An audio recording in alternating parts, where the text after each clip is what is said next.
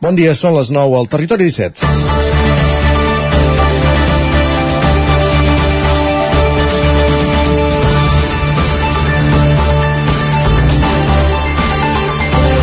Arran de la destitució de Josep Maria Estela ahir com a cap dels Mossos d'Esquadra, 10 mesos després de ser nomenat, la periodista de La Vanguardia, Maica Navarro, feia un fil a Twitter on recordava la campanya de la, qual, de la qual van ser víctimes un seguit de periodistes de tribunals i successos fa 10 mesos per part d'alguns opinadors públics que les van arribar a anomenar les vídues de Trapero.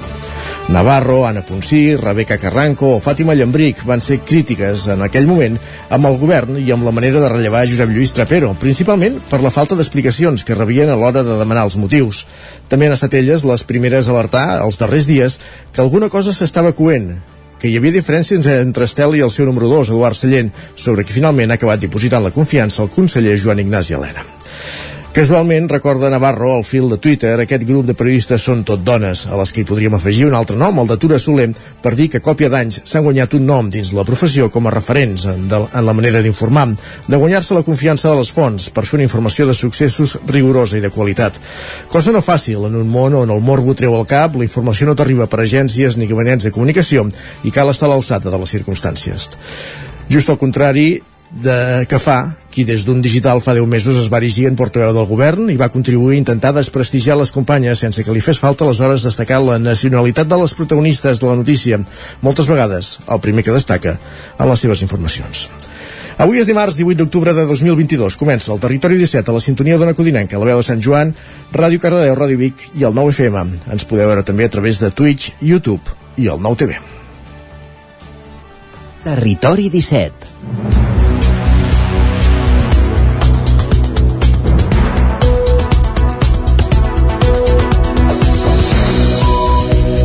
Passen dos minuts de les 9 del matí, com dèiem d'aquest dimarts 18 d'octubre de 2022. Comença un nou Territori 17 i tot seguit el que fem és avançar-vos al menú del dia, tot el que hi haurà, els continguts que tindrem des d'ara fins al punt de les 11 aquí, al Territori 17 ja ho sabeu, durant la primera mitja hora sempre és l'hora dedicada a l'actualitat, a la informació.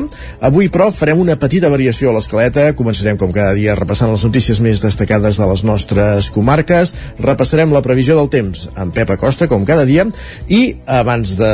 i durant aquesta primera mitja hora també farem l'entrevista avui des d'una codinenca per parlar del festival Itinerant Test amb la Caral Campàs, un festival que passarà per Santa Maria d'Oló el 23 d'octubre i el 20 de novembre també per Sant Feliu Sacerra.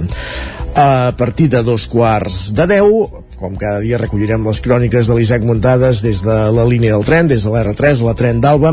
Continuarem amb el repàs informatiu i a tres quarts de deu parlarem d'energia. I avui ho farem amb Miquel Bosch, enginyer industrial de Bessols Energia, per conèixer els passos que cal seguir i quins condicionants són els més avantatjosos a l'hora doncs, d'apostar per energies renovables com pot ser la, la fotovoltaica.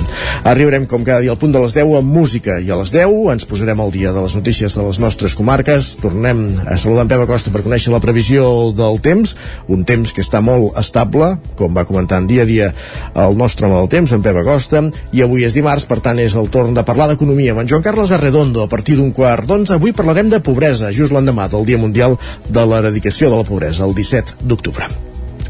La darrera mitja hora del Territori 17, els dimarts, és per el món de Twitter, com cada dia amb en Guillem Sánchez, a partir de dos quarts d'onze, i després del Territori Dona, avui amb Maria López, Caral Campàs i Natàlia Peix, parlant, entre d'altres qüestions, del dol perinatal, que també celebrava dissabte el seu Dia Mundial. Repassat el menú, per tant és moment de posar-nos en dansa, de començar el repàs de les notícies més destacades de les nostres comarques, Osona, el Vallès Oriental, el Moianès i el Ripollès, i ho fem en connexió amb les diferents emissores que dia a dia fan possible aquest programa que no són altres que la veu de Sant Joan, on acudinenca el nou FM i Ràdio Cardedeu.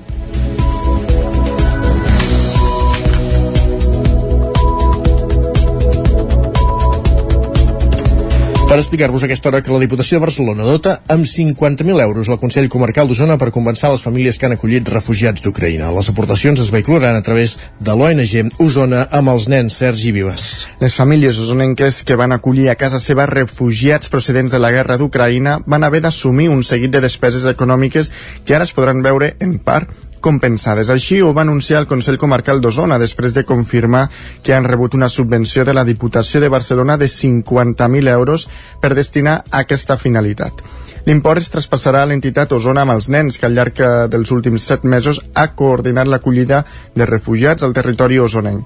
A través d'un conveni s'ha regularitzat quins són els criteris per accedir a la compensació i fins al 23 d'octubre les famílies acollidores que ho creguin poden presentar les seves sol·licituds a través d'un formulari en línia.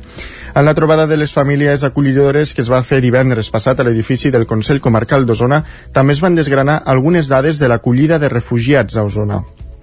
En aquests set mesos de conflicte bèl·lic han arribat a la comarca 290 persones refugiades des d'Ucraïna. Actualment, però, hi ha 111 persones acollides en 16 municipis i moltes d'elles ja es quedaran a la comarca.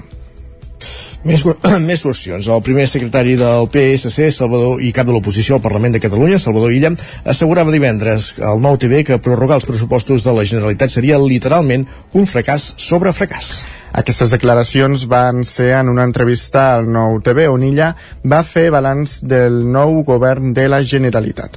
Un executiu d'Esquerra Republicana que va començar a caminar la setmana passada després de la sortida de Junts al govern de Pere Aragonès. El cap de l'oposició va insistir en l'oferta de mà eh, entesa, estesa als republicans, un escenari clau, va dir, per acabar amb les irresponsabilitats d'un govern que ja ha avançat que l'1 de gener mm, Catalunya no tindrà pressupostos en vigor. Escoltem a Salvador Illa seria un fracàs sobre un fracàs no?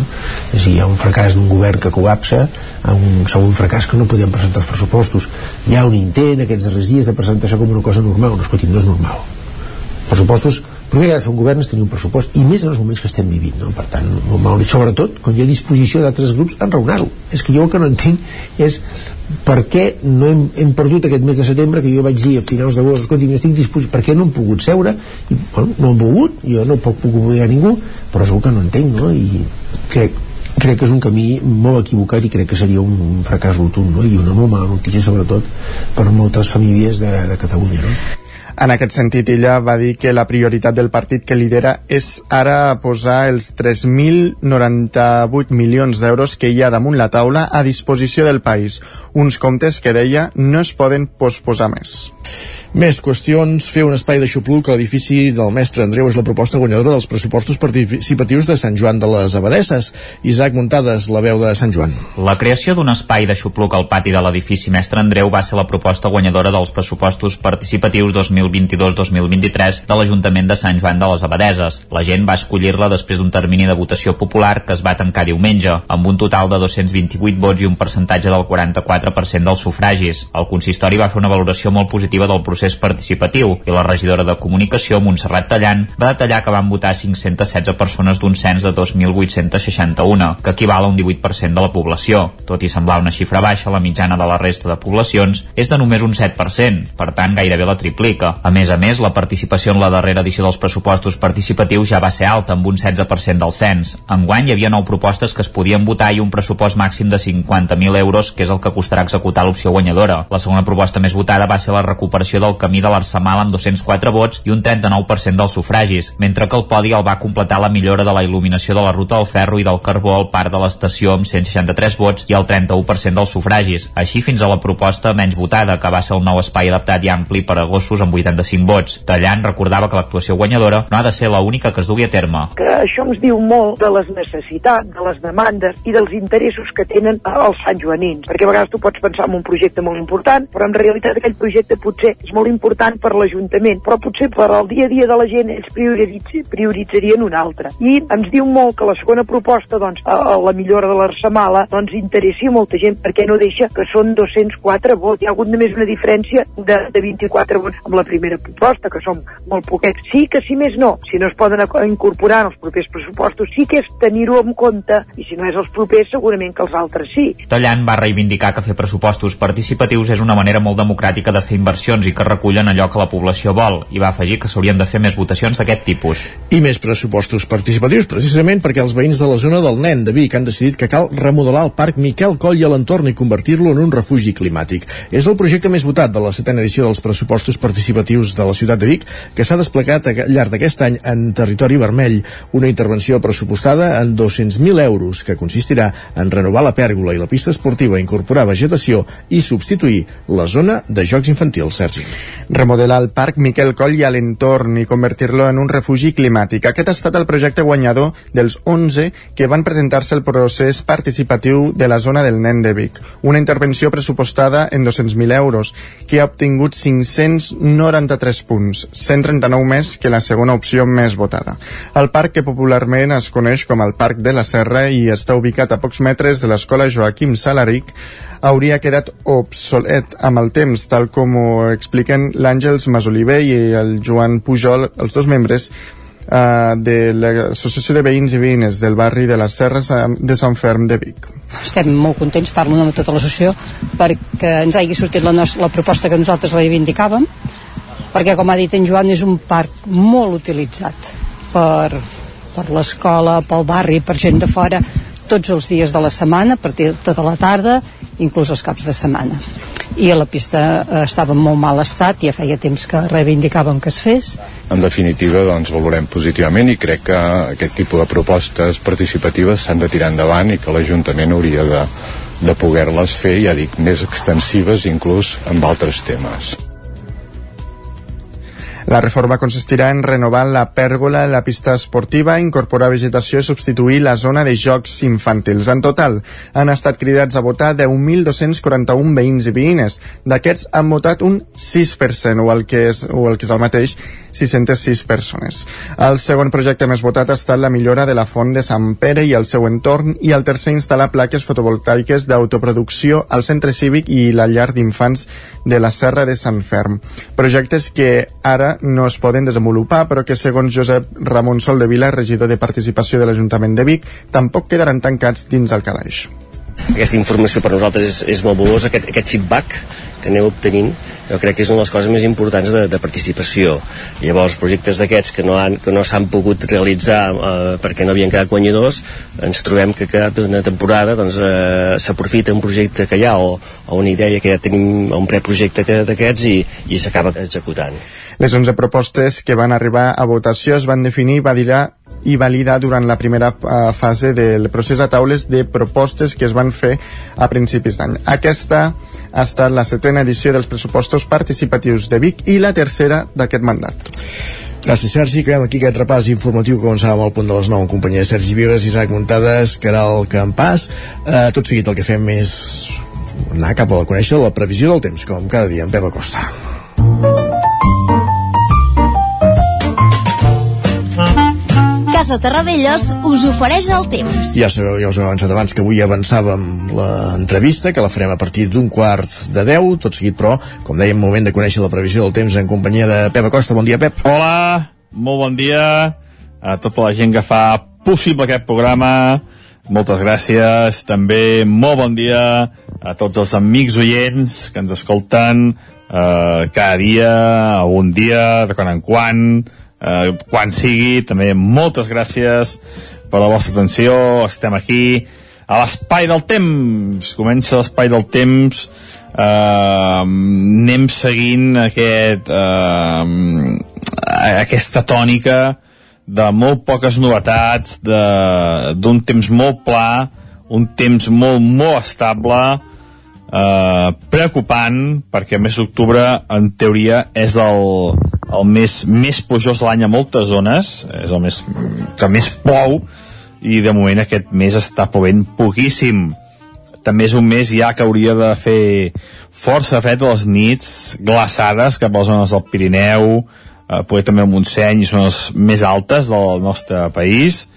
De moment, eh, bé de glaçades, em sembla que va glaçar el dia 1 o el dia 2 només, però portem ja molts dies sense glaçar, eh, també és preocupant per la fauna, per la flora i, i, bé, i per nosaltres mateixos eh, que no, no deixem de ser eh, part de l'ecosistema de, de, de, de, de tot, del planeta i som uns animals més. Per tant el, el, està molt, molt malament el, el, el tema.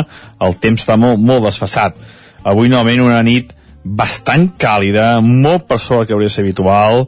Uh, sí que ha baixat una mica la temperatura mínimes de 16 graus a Caldes, a Montbui uh, 13 graus a Vic uh, 5 graus a Bui de Ter mm, temperatures uh, ben bé 6 graus més altes del que hauria de ser habitual en aquesta època de l'any i continuem amb aquesta tònica, aquesta perturbació a l'oest de la península que ens envia vents del sud, vents càlids amb humitat, amb pos en suspensió, amb, amb aquest amb aquesta com, no sé, com, com, com xafogó com, com aquest ambient carregat eh, que fins i tot hi ha gent que té mal a cap eh, és això, és aquesta és aquest ambient eh, tan tan eh, pesat que tenim tenim a, a sobre eh, farà molt de sol eh, avui al matí tot i això hi haurà alguna nuvolada, algun núvol baix um, fruit d'això, eh, d'aquesta humitat, d'aquest ambient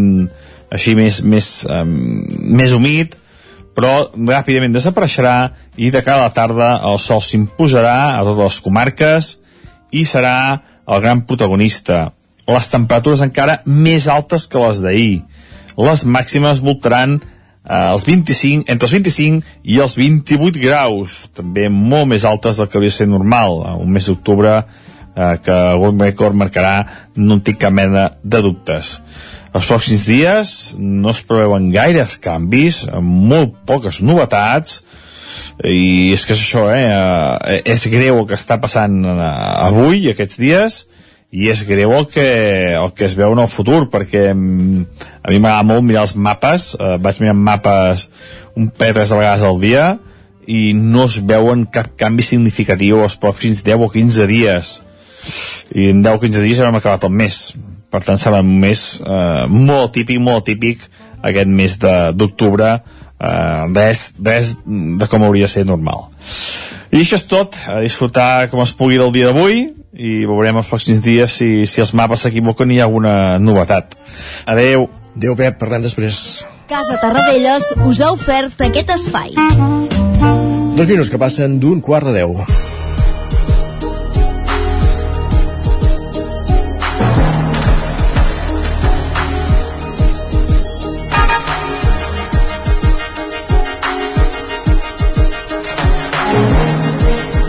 El Test és un festival amb propostes de diferents llenguatges artístics de curta durada i per espais reduïts i no convencionals, on la distància entre públic i artistes és mínima, fent augmentar l'experiència del públic i la intensitat de l'espectacle. Caral Campàs, una codinenca, bon dia.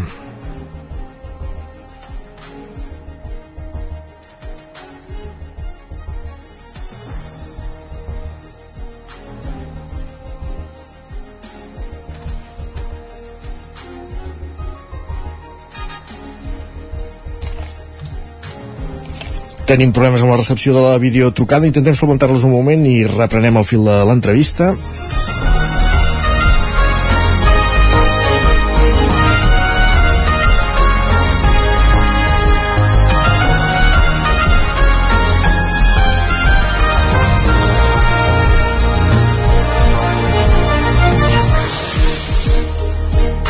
Caral, ens sents, no, eh?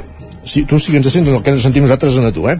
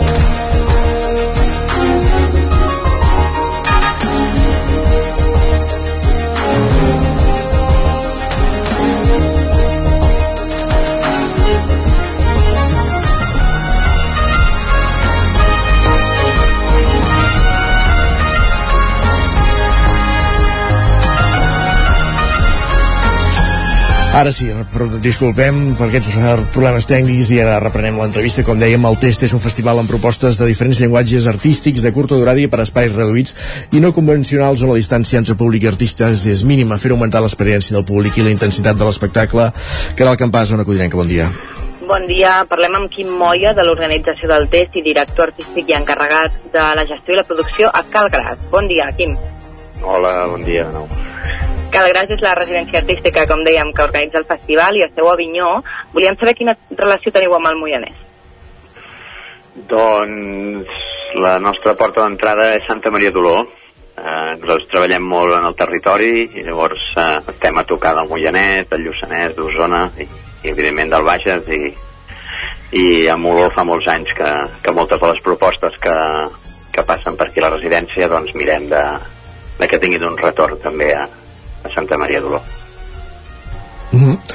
uh, aquest estiu es va organitzar la part prèvia del festival. En què va consistir? Um, el, el festival realment neix de, de la feina que es fa durant tot l'any, no? Des de la residència d'artistes i amb tota una xarxa que s'ha anat creant, que ara som 15, 15 municipis.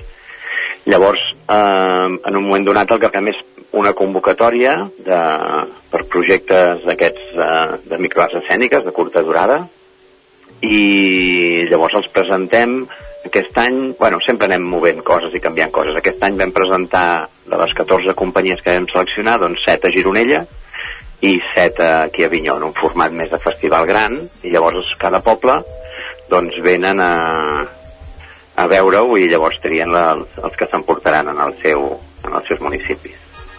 Um, ara concretament aquest cap de setmana esteu més o menys a la meitat de la gira per la xarxa de pobles creatius uh, i ens parlaves de d'Olor, que és el que ens afecta. No sé si ens pots comentar una mica la programació d'aquest cap de setmana a Santa Maria d'Olor. I tant, i tant. Olor han, han triat tres peces per, per aquest diumenge. Uh, la primera bueno, la primera, la primera que us explico, perquè al final són les tres són a l'hora i és el públic el que es va movent, llavors les companyies fan tres, tres passes cada un. La primera peça és començar, que és un, bueno, és un diàleg sobre sobre l'adolescència, sobre l'adolescència, però vista ja des de dues persones ja adultes que recorden temes doncs, dificultosos de l'adolescència, de l'època d'institut. Després tenim Babar, que és un, una història molt tendra i molt, molt contingut sobre, sobre la immigració, però al final parla molt de, la, de les relacions humanes. És, és des del punt de vista d'un immigrant que arriba a Lleida per, per buscar feina, però és, té un punt entre nostàlgic i reivindicatiu molt, molt, molt bonic, molt interessant. I després tenim una, una peça ben bé que parla de les relacions de parelles, però ho porten a un món així una mica surrealista d'universos paral·lels i aprofiten això per parlar de les relacions de parella, però des d'aquest punt tan, tan divertit. La promoció però continuarà, eh, de fet eh, eh, passareu per 14 nuclis de, de població amb propostes diferents, oi? Mm -hmm. Sí, sí, aquestes primeres 14, 14 companyies que vam estrenar aniran, aniran voltant. I després seguim per, per Navarcles, per Sallent, per Sant Feliu, Sacerra, per Cabriana, Sant Salvador Guardiola, sigui, anem, anem, anem voltant, anem voltant. La Avui tenim problemes. Ara t'hem perdut, eh, perdem la cobertura de la Caral. La, et volia preguntar, eh, bàsicament, quina és la filosofia, l'objectiu eh, últim del Festival Test? Clar, el test eh, neix, neix, com us deia abans, de, de que durant tot l'any donem suport a la creació escènica i des de... El que normalment donem suport a les peces de, de llarga durada, diguéssim però hem començat a rebre projectes que, o per contingut, o per durada, o a vegades per llenguatge, doncs no acaben d'entrar les programacions.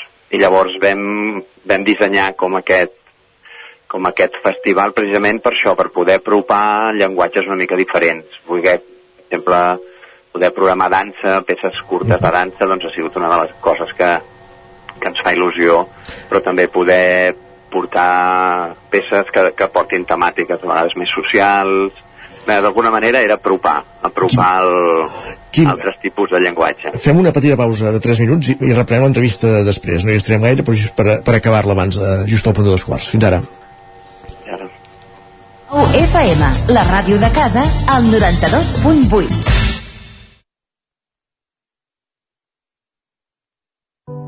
Cobertes serveis funeraris. Els nostres tanatoris estan ubicats en els nuclis urbans més poblats de la comarca d'Osona per oferir un millor servei. Tanatori de Vic, Tanatori de Manlleu, Tanatori de Centelles i Tanatori de Roda de Ter. Sabem que són moments difícils i per això el nostre compromís és atendre-us en tot moment amb un tracte humà, sensible i respectuós. Cobertes serveis funeraris.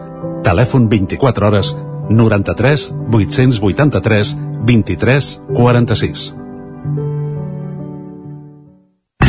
El 22 i 23 d'octubre torna la Fira de la Castanya de Viladrau. Us hi espera un cap de setmana ple d'activitats, parades al carrer amb productes de proximitat i artesanals, espectacles familiars, sortides guiades o venda de castanyes fresques i torrades. Recorda que pots anar-hi còmodament amb transport públic des de Vic. 27a Fira de la Castanya de Viladrau. Consulta el programa d'activitats a viladrau.cat. Amb Pradell estalvio energia i cuido la meva butxaca i el medi ambient.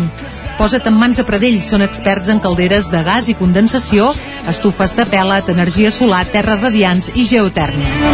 Pradell instal·la calderes de biomassa per a particulars i per a empreses. Si vols estalviar un 50% en consum, contacta amb Pradell i passa't a les energies renovables. Pradell som a l'Avinguda Països Catalans 27 de Vic. Telèfon 93 885 1197. Pradell.cat. Has d'organitzar un esdeveniment? A l'Ineixat lloguem les cadires, taules, plats, coberts, rams de flors i tota la decoració necessària per preparar qualsevol esdeveniment. Vine a buscar material per a festes, casaments, celebracions culturals, espectacles, concerts o reunions d'empresa i de família. Ens pots venir a veure al passeig de la Generalitat número 52 Baixos de Vic, buscar-nos a les xarxes o trucar-nos al telèfon 670 38 96 25. Ah, i també ens trobaràs a Girona. A l'Ineixa tenim tot el que pots necessitar per fer-te la vida més fàcil. Ja tens la teva disfressa de Halloween? A Manli tenim les més terrorífiques. Vine a buscar caretes i tots els complements que et calguin per passar una nit de por. Ens trobareu al carrer de Ramon Soler número 1 de Vic i també a manli.cat. A Manli fem de la festa una bogeria. Anuncia't al 9FM. La màquina de casa. 9 3 8 8 9 4 9 4 9. Publicitat arroba al 9FM.cat. Anuncia't al 9FM. La publicitat més eficaç. El 9FM, el 9FM, el 9FM, el 9FM. En punt dos quarts de deu reprenem l'entrevista. Com dèiem, estàvem conversant sobre el Festival Test amb Quim Moya, un dels seus organitzadors. Quim, estàvem parlant de, de quina és la filosofia última d'aquest certamen. Sí, doncs el, realment la intenció final és apropar altres, altres llenguatges que, que potser les programacions estables costa més de, de, de fer arribar i sobretot també eh, convèncer una mica eh, els nous públics que s'arrisquin i sobretot quan veuen actuar la gent, els actors, els ballarins, doncs, tan de prop i que et miren als ulls, creiem que és una de les formes millors de, de, de crear aquest vincle, no? I, i de donar-te'n de la, bueno, de la realitat d'aquestes peces, de la proximitat, de l'emoció al final, no? que t'enganxin a, a consumir i apropar-te més a, a gaudir la cultura. Espero que em sentiu bé ara. Uh, D'acord, doncs l'última pregunta ja. La, la d'enguany no sé quina edició és i si teniu pensat repetir l'any vinent. Sí, sí, aquest any ja és la setena, és la setena edició, eh, passa ràpid, i l'any que ve més, i tant, i tant que sí. Abans de, cap a final d'any ja obrirem la convocatòria de, per les companyies i, i ja engegarem per tornar a això. El juliol acostumem a fer el festival gran, o sigui, l'edició on, on es poden veure les 14 companyies i, i després tornem a això, a l'octubre-novembre a fer tota la, aquesta gira, diem, aquesta ruta per, per tots els pobles de, de la xarxa Pobles Creatius.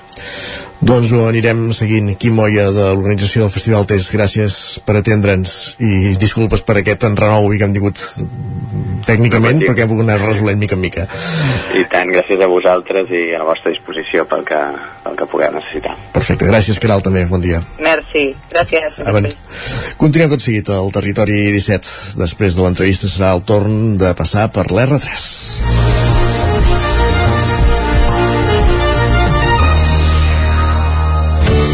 Territori 17. Envia'ns les teves notes de veu per WhatsApp al 646 079 023. 646 079 023. WhatsApp Territori 17.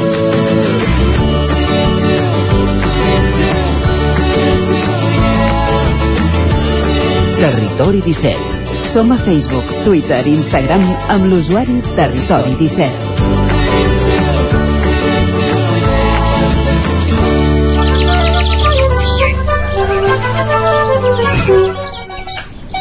A Tren d'Alba.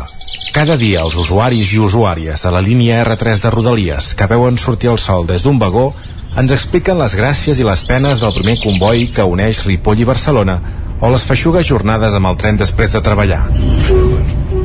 Benvinguts a Tren d'Alba. L'usuari David FD Arribas queixa de Rodalies. Quina novetat, no? Però ho fa amb amor. Els hi dono les gràcies per haver reduït la freqüència de pas dels trens de l'R3 i l'R4 cada matí perquè així puguin anar ben enxubats els trens. Els agraeix que hagin d'anar de peu per no caure i amb 10 persones xocant contra ell. Una manera immillorable de començar el dia. A veure, el fet d'anar ben juntets anirà bé per quan faci fred i és impossible caure si tens gent per totes bandes. Renfe ens cuida. Va, ens retrobem demà amb més històries del tren i de l'R3. Bon dia, sóc en Jordi de Centelles. Avui, amb el tren de la 607, hem arribat dos minuts abans, abans, abans. És que, és que és una, una joia. Fins i tot n'hi ha tanta gent al carrer i la gent baixa del tren contenta. Avui eh, pensava que el grup que som, que baixem, sabeu la pel·lícula Ells, eh, a l'edat de hielo, l'edat de gel en català, que són tot un... és de dibuixos animats, una colla estranya d'animals que s'estan salvant perquè ve l'edat de gel, ens miràvem i som una miqueta allò, i hem rigut una estona. Després també temes de conversa.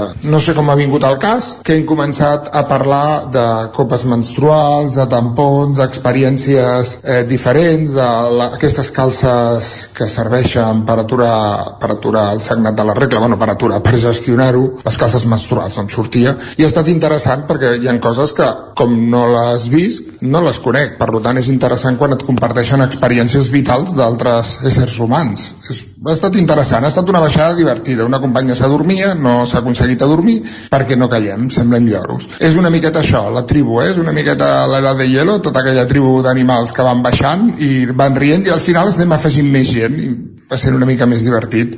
Trobar coses divertides a les 6 del matí costa molt, però al final rient. Feu-lo, sisplau, rieu molt, molt, molt. Vinga, adeu-siau, una abraçada. Jo els tinc molt vistos a l'Escrari en Mani, que són l'esquirol que vol menjar-se aquella avellana al principi de la pel·lícula i que viu un autèntic calvari per aconseguir-ho, i el mamut que és força malhumorat i distant, però també valent i afectuós. Cada cop que pujo en un cotxe hi ha els dos peluixos col·locats a sobre el seient del copilot que em miren fixament. Bones pel·lícules per si algú no les ha vist, sobretot la primera. Déu-n'hi-do, quina tribu que esteu fet si no deixeu dormir els vostres companys. Deveu tenir més xerrera que una cotorra que per cert, no existien a l'edat de gel. Va, ens retrobem demà amb més històries del tren i de l'R3. Territori 17, el 9 FM, la veu de Sant Joan, Ona Codinenca, Ràdio Cardedeu, Territori 17. Territori 17.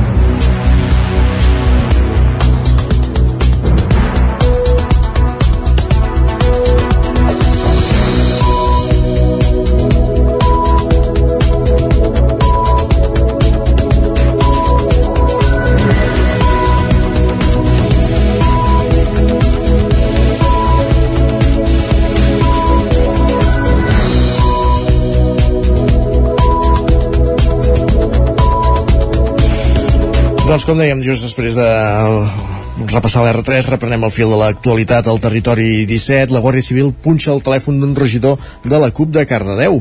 Ràdio Televisió Cardedeu, Pol Grau. Huc Luquetti, regidor de la CUP a Cardedeu, és un dels 38 activistes que han estat víctimes de l'espionatge contra l'independentisme, on la Guàrdia Civil va punxar el seu telèfon mòbil arran de les mobilitzacions massives del 3 d'octubre de 2017. Huc es va assabentar gràcies a la publicació de la notícia de la directa.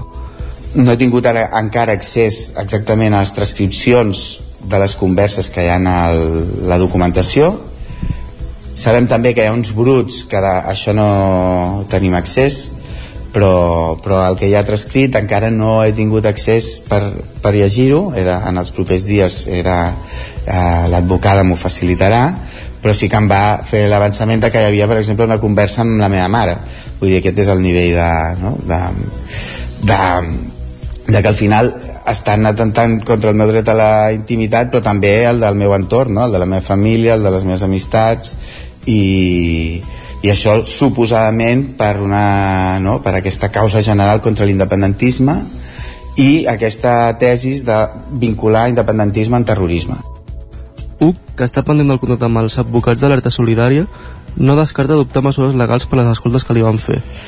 Castellterçol treballa per ampliar l'escola Bressol i adequar-la a l'augment d'infants del poble, que era el campàs, ona codinenca. L'Ajuntament ha treballat per ampliar la sala de mestres amb unes reformes a punt de finalitzar i prepara una reforma del pati del centre. Alberto Obrero és regidor d'Educació. Si podem acabar l'obra de la sala de professors que s'ha quedat embarrancada durant una colla de mesos pels problemes de subministraments de materials. Sembla que la constructora ara ara reemprèn les feines i hem iniciat la licitació per tenir una adjudicació ferm i poder realitzar obres al pati d'hivern abans de finalització d'any, que era el nostre planning de, de les tres facis de millora de l'escola. Des de l'Ajuntament han atès aquestes demandes del Departament d'Educació, al qual han fet la petició d'augmentar el nombre de docents de 3 a 4 mestres. Si creiem que tindrem algun repte i haurem d'entomar-ho amb el departament serà el tema de la, del professorat perquè seguim amb les limitacions imposades per la llei del 2012 a la RSAL sobre l'ampliació de plantilles. Si creiem que tenim un repte el tindrem per aquí que no haguem de passar de 3 de 3 professores a 4. Arran de la pandèmia ha augmentat el nombre de famílies empadronades tant a Castellterçol com a la majoria de pobles del Moianès. Més qüestions. Amb motiu del Dia de la Justícia de Pau a Catalunya, dissabte s'ha dut terme per primer cop a seva l'acte de lliurament de distincions del 35è aniversari de l'Associació Catalana en Pro de la Justícia. Els jutges de Pau han aprofitat per reivindicar la justícia de proximitat, ja que el govern espanyol planteja suprimir la figura que té origen al 1855. Se va acollir, com dèiem, dissabte l'acte de lliurament d'aquestes distincions del 35è aniversari de l'Associació Catalana Pro Justícia, un acte que va servir per posar en valor la figura del jutge de Pau i la justícia de proximitat, actualment amenaçada eh, el nou projecte de llei d'eficiència organitzativa del govern espanyol. Així ho expliquen Xavier de Pana, exjutge de Pau de Malla, i Mariana Pineda, alcaldessa de Ceba.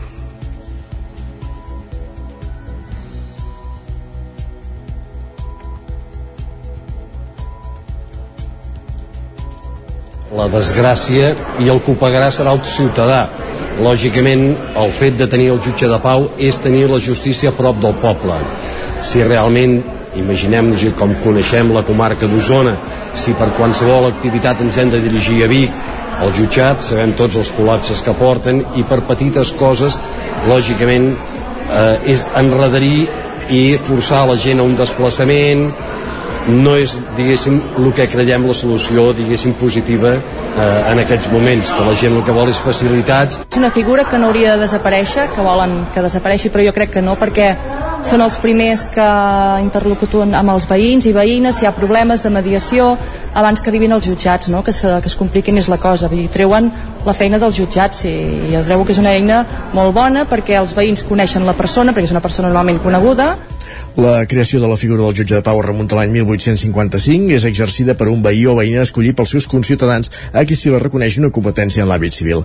Actualment s'ocupen del registre civil i fan de mediadors per evitar que alguns casos arribin a judici. A Catalunya en total n'hi ha 898. Ramon Vilaprat de Saba és el de Ceba des de fa 9 anys. En 20 anys, però, ja va començar fent de substitut. Escoltem el testimoni, com dèiem, doncs, veí de Ceba, Ramon Vila, amb experiència com a jutge de pau és una persona que té d'estar oberta, coneix molt bé la gent, perquè et para pel poble i et demanen oi un consell, el que sigui.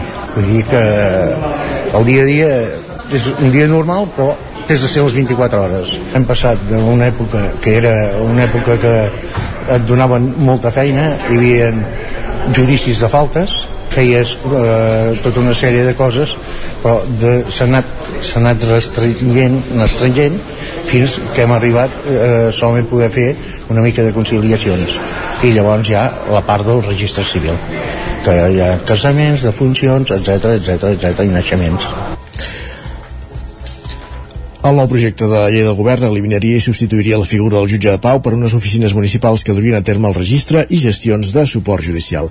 I us expliquem també que un home de 66 anys, veí de Cànoves i Samalús, al Vallès Oriental, va morir aquest diumenge a la tarda després de caure per una canal pronunciada prop del santuari de Cabrera, a Can Toni Gros, a Osona. Sergi. La víctima, que es trobava fent una excursió amb un grup de 5 persones més, es va precipitar caient uns 100 metres i quedant en una zona de molt difícil accés. Fins a la zona s'hi van desplaçar dos helicòpters medicalitzats i diverses dotacions dels bombers de la Generalitat i efectius del sistema d'emergències mèdiques. Passades les 5 de la tarda, els Mossos d'Esquadra van certificar la defunció de l'home, que havia estat localitzat en un estat crític. L'arribada de la nit va obligar a aturar l'operatiu. Efectiu de, efectius de la unitat d'intervenció de muntanya van custodiar el cos per tal de respondre ahir la nit al rescat. Més, i acabem aquí aquest repàs informatiu que hem fet en dos blocs, un a les 9, l'altre a partir de dos quarts de 10 i ara el que fem és anar cap al quiosc a conèixer quines són les portades dels diaris d'avui.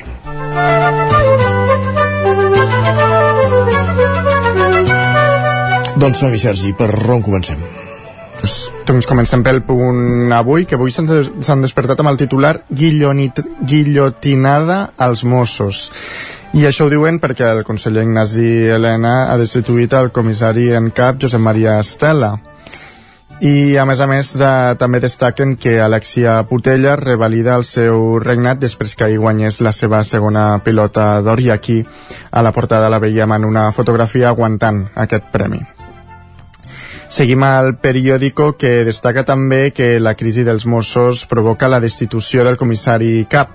A més, amb una fotografia informen que Putin ha llançat uns drons kamikazes contra Kiev.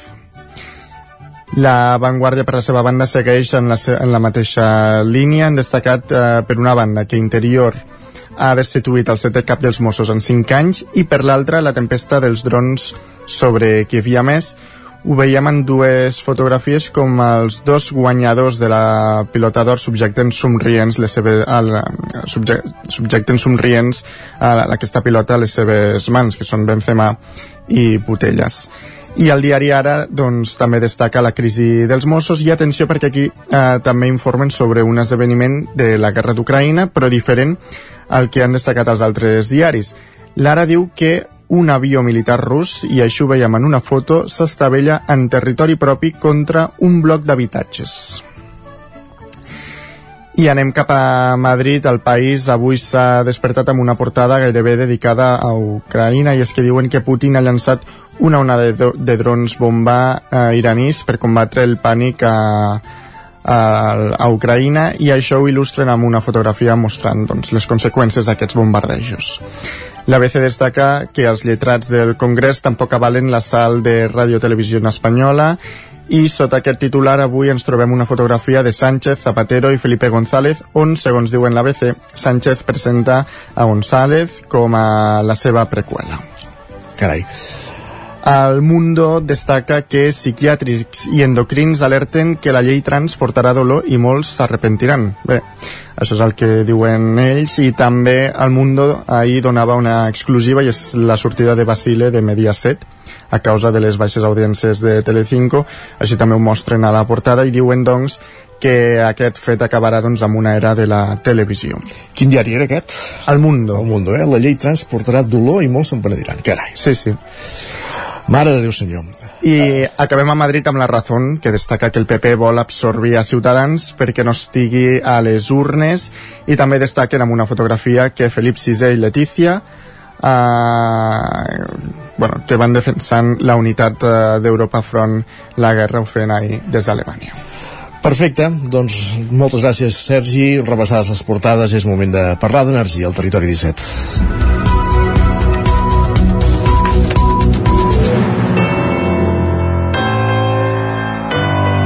Territori, Territori 17. 17. Territori 17.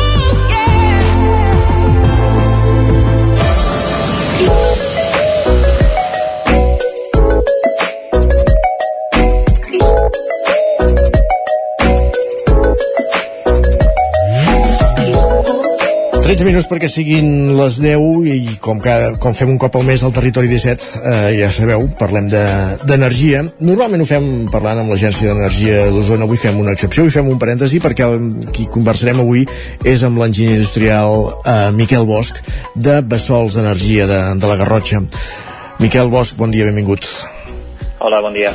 Avui en aquest espai que dediquem a l'energia volíem fer una mica d'incís amb tot el que cal tenir en compte no? per capbussar-nos en el món de, de l'energia fotovoltaica, de, de l'autoconsum i fer-ho des del punt de vista de, com dèiem, d'una companyia com és Bessols Energia.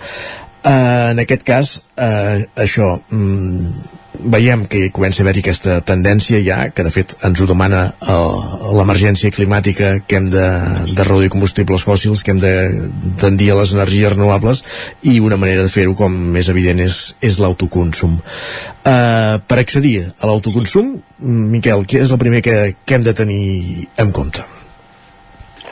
Bé, doncs, eh, eh, gràcies, Isaac, primer per convidar-me convidar i, eh, comentar, no, doncs, això, sí, com bé comentes, el, el tema de passar les energies renovables ja sabem que fa temps doncs, que és una, una necessitat mediambiental primerament, no? Uh -huh. però econòmicament no, potser fins ara no era del tot viable per, per moltes famílies i, i, i no era un, una opció eh, generalitzada. A dia d'avui, també malauradament per el, el fort increment de pujada de preus, doncs eh, aquestes inversions i aquestes instal·lacions ja surten molt més a compte per totes les, per, per moltes famílies. Llavors, bàsicament, aquí el que s'ha de tenir en compte és un, principalment un, un bon dimensionament d'aquesta instal·lació eh, per estar acord amb els consums i les necessitats de cadascú i a partir d'aquí, doncs, evidentment, eh, a poder ser la, la millor relació de, qualitat i preu dels materials, eh, així com també de, de, de la instal·lació, no? de, de, diguéssim, dels professionals que et fan aquesta instal·lació, que al final doncs, és una instal·lació que en qualsevol vivenda mmm, tots ho coneixem, no? està, està en el teulat i eh, sempre és una, una zona complicada i també ha de poder eh, permetre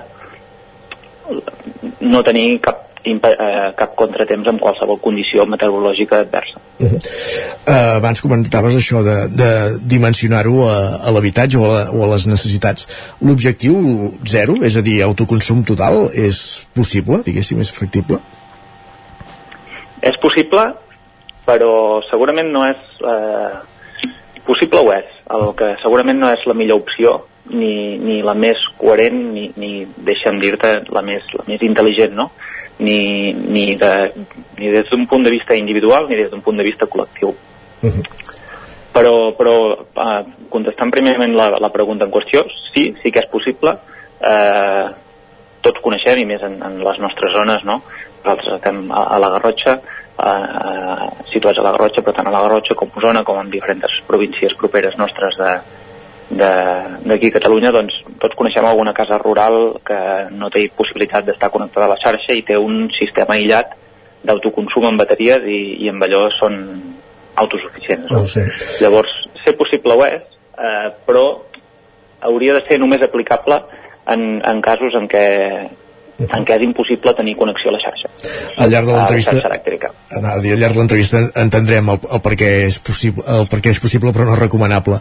Uh, sí. Anem a PAMS. Uh, primer de tot, què necessitem, diguéssim, quan volem fer una, una instal·lació de, de fotovoltaica a casa? a nivell de materials o sí, els passos? Els pa una mica tot, però vull dir, sí, els passos i els materials que acabarem necessitant, sí, sí. Val. Bé, a, a, nivell de, a nivell dels passos doncs és potser el, el, el, el més complex però a la vegada més senzill no? per, des del punt de vista de qualsevol eh, usuari que es vulgui ficar autoconsum eh, jo recomanaria doncs, això, anar amb una empresa especialitzada que tingui experiència en el sector i per tant que porti uns, uns materials i un, un coneixement tècnic per poder fer una instal·lació en, en condicions. Moltes vegades aquestes mateixes empreses, com nosaltres mateixos, ja s'ocupen de cara al client del que és tota l'administració legal, no? tant el, el, el, el permís de llicència d'obres com el, els tràmits amb l'empresa eh, amb l'empresa distribuïdora d'electricitat per fer la connexió, etc. I llavors, en quant, a, en quant a material, és una instal·lació mm, diguéssim que tècnicament senzilla, on pràcticament es necessiten eh, les plaques solars, que són les, que, les plaques solars que instal·larem en el teulat, i un inversor, que és un equip eh, aproximadament de la mida de d'una maleta, per dir-ho així, sí. eh, que estaria situat en algun punt de la casa, en, en algun punt poc freqüentat de la casa, per, perquè també fa un, un cert soroll, més doncs, el que és tota la, la instal·lació de cablejat, no? aquest cablejat que connectarà les plaques solars del teulat fins a aquest inversor i d'aquest inversor fins, a la, fins al quadre general per poder, per poder alimentar tota la vivenda. Uh -huh. Ara comentaves eh, el fet, el fet de tota la tramitació administrativa i amb la companyia elèctrica, perquè és important eh, les, llavors això, no? tenir connectada aquesta xarxa d'energia de, solar fotovoltaica a la, a, la, a la xarxa elèctrica, diguéssim, sobretot per, per gestionar excedents, però acaba'ns d'explicar una mica tot el funcionament. Sí, correcte. Bé, és, és, és, és molt important, primer de tot, perquè en cas de, de, de no tenir fet aquesta comunicació estaríem incorrent en una il·legalitat, val? que és tenir una, una generació connectada a la xarxa no declarada, no? per dir-ho així. Llavors, el, el fet de, de declarar-ho és, és, és important i, i no és un tema fiscal tampoc, perquè no tens cap eh, penalització fiscal ni cap taxa per aquest fet, però sí que és per un tema de seguretat. No? Les empreses eh, distribuïdores necessiten tenir aquesta informació per quan fan operacions de manteniment eh, i, i, i gestió de la seva xarxa eh, elèctrica. Llavors, un, un cop dit això, eh, l'altre punt important és doncs, poder tenir aquesta instal·lació ben legalitzada, primer per la, per la seguretat d'un mateix i, i, i per al seu bon funcionament de cares també a qualsevol eh, possible problema que pogués tenir en el futur, no? Eh, aquella instal·lació de cares a les pròpies assegurances de cadascú, etc. I, per altra banda, evidentment, doncs, perquè l'empresa comercialitzadora pugui tenir aquesta, aquesta informació, aquesta instal·lació declarada i et pugui oferir eh, la millor tarifa per cadascú, eh, eh, de la qual forma podràs no només estalviar-te aquella energia que ara tu consumeixis, sinó on també se't eh, retribuirà o se't descomptarà l'energia que puguis mm, generar i sigui excedentari a la xarxa en moments doncs, que, que per, la, per les condicions de, de vida de cadascú no puguin estar a casa i no puguin eh, fer un consum d'aquella energia com són uh -huh. doncs, èpoques de vacances o molts dies laborables que a les 12 del migdia estem treballant. Aquí hi ha un altre element a tenir en compte que ara comentaves que clar, nosaltres ara quan eh, si, només, si no tens fotovoltaica quan contractes el servei d'una empresa una comercialitzadora elèctrica negocies un preu per, per la potència que, que gastes, pel consum, etc eh, a la que instal·les fotovoltaica també negocies un preu que perceps per aquest excedent que distribueixes tu a la xarxa i a vegades no, no, no tenen per què anar associades una amb l'altra, poden ser companyies diferents o com, perquè eh, eh, pot interessar una companyia per una cosa i l'altra per l'altra perquè evidentment no són les, les mateixes tarifes amb cadascú, no? Mm, correcte. Així és, eh, a dia d'avui, però, no pots tenir diferents companyies, diguéssim, una per al consum i l'altra per la generació, eh, quan parlem d'un domèstic, val? Sí. Amb instal·lacions, amb instal·lacions ja més grans industrials, eh, que es considera un consumidor i un productor, sí que podries tenir diferents companyies, una per la venda i una per la compra, però en el cas més generalista, que seria el cas d'un un client domèstic, la companyia ha de ser la mateixa. Val? La mateixa companyia és la que vendrà l'energia que consumeixis i et comprarà aquesta energia que, que generes. I per tant aquí, com, com bé dius, eh, un nou punt afegit de complexitat per als, per als eh, consumidors, no? diguéssim, ja dins d'un sector on les um, factures elèctriques eren complexes i les tarifes elèctriques podien ser complexes d'entendre de, no? per, per un usuari, on bàsicament, com molt bé has comentat, tenien dues consideracions, no? que és el preu de terme de potència i el preu de terme d'energia, eh, per, per saber el, el, el que acabaries pagant o per fer una comparativa d'ofertes, quan et converteixes en autoconsumidor has d'afegir un tercer factor molt important a valorar, que és eh, aquest preu de compensació de l'energia generada. No? Eh, aquest, aquesta, aquest tercer preu que, que has de fer jugar en aquesta equació per poder eh, valorar quina és la, la millor oferta eh, de cares a tu i, i, i fer el teu, el teu anàlisi, diguéssim, de resultat final, no? Uh -huh. per al que pagaràs per l'energia i per al que et pagaran o et descomptaran per aquesta energia que generis. Uh -huh. Perquè estem parlant això d'ús d'energies renovables per, per contribuir a, a fer front a l'emergència climàtica, però sobretot també estem parlant d'estalvi econòmic. Sí que s'ha de fer una inversió inicial que, que és elevada, però de seguida hi ha un retorn, no? Està calculat fins i tot el, el, el temps de- d'amortització d'aquesta instal·lació i amb la que veus que queda repercutit ja de seguida amb la, amb la factura elèctrica. Correcte, sí, sí, així és, com dèiem al principi, des d'aquest últim any, sobretot, no, amb aquesta pujada eh, que tots hem, hem, hem notat i patit en les factures elèctriques per als costos d'energia, principalment derivat per l'increment del cost del gas, eh, doncs aquests, aquests retorns que fins ara segurament estaven situats en, al voltant d'uns 15 anys, no? eh, els, anys, els anys anteriors al 2021, estàvem parlant d'uns retorns de la inversió de- d'uns 15 anys aproximadament, veiem doncs, que amb els preus actuals eh, i evidentment fent una projecció eh, amb uns preus similars i lleugerament inferiors però no eh, amb els preus que teníem eh, anteriorment el, els retorns ara mateix podem estar parlant de eh, en un cas d'un client domèstic entre, entre els 6 i els 8 anys de, de retorn perquè quina inversió cal? Eh, quina, quan, què costa fer una inversió? Què costa, diguéssim, instal·lar, fer la instal·lació de la fotovoltaica a casa? Aproximadament. Sí, I ha, aquí, evidentment hi ha moltes eh, casuístiques, eh? però una Correcte, forquilla. sí, sí, no, no. Un, per, per, per donar un, una, una forquilla de, de valors, diguéssim, més o menys estandarditzats, podríem dir que costa entre una instal·lació fotovoltaica de, només de plaques solars i, i inversor, eh, costaria entre uns 5 i 12.000 euros. Uh -huh. Eh, per, per una família, diguéssim, que, que tingui una casa, una vivenda unifamiliar. I el que... Ah, digues, perdona. No, no, ja està, ja està. No, a dir, i el que també ha evolucionat és tecnològicament, ta- tant aquests materials com un altre element que es té molt en compte ara, que són les bateries per emmagatzemar energia i que es puguin consumir en- en hores, en, en hores de dia de, de més consum, no? Exacte, sí, sí. Ara, això és el que volia comentar llavors. El que, és, el que és purament la instal·lació fotovoltaica, que a dia d'avui ja és una bona solució i com dèiem amb un retorn amb un retorn de la inversió diguéssim bastant atractiva no? per, per una persona eh, per, un, per una família eh, on ja tens un retorn mm, fins i tot financer, no? com dèiem eh, prèviament, prèviament al 2020 el perfil de les persones que es posaven a autoconsum tenien, feien, diguéssim, també aquesta anàlisi financer per veure el retorn que podia tenir, però també hi havia una, hi havia una component molt important de, de sentiment mediambiental, no?, també d'aquesta ajuda. A dia d'avui, eh, això se li ha sumat, se li ha sumat doncs, que aquest retorn econòmic de la inversió encara és molt millor eh, i per tant, fins i tot gent que pugui no tenir un sentiment mediambiental tan fort també està, està veient amb bons ulls fer aquestes inversions. Eh, I per altra banda, eh, doncs, aquestes, aquestes instal·lacions es poden complementar, com bé deies, amb, amb un altre equip, que seria una bateria d'emmagatzematge, eh, que això el que ens permet és tenir una major autonomia, de, eh, una major independència del consum d'energia a la xarxa, eh, amb, un, amb un altre valor afegit aquí de- d'inversió que podem estar parlant entre una altra vegada uns valors similars, eh, entre uns 5 i 10.000 euros eh, addicionals per aquesta bateria de- d'emmagatzematge.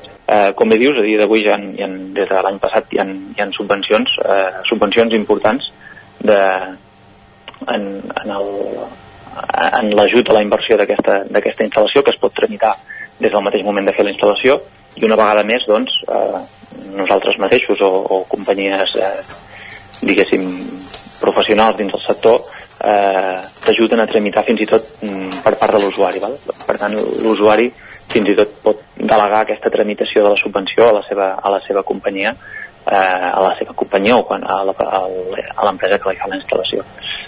Aquests ajuts a dia d'avui són, són bastant im- importants i s'han de tenir en compte diferents ajudes. Hi ha, hi ha les ajudes de subvencions eh, d'aquests fons europeus que han vingut eh, des de, des de l'època Covid, no, que es van aprovar post-època Covid i que, i que estan arribant a dia d'avui.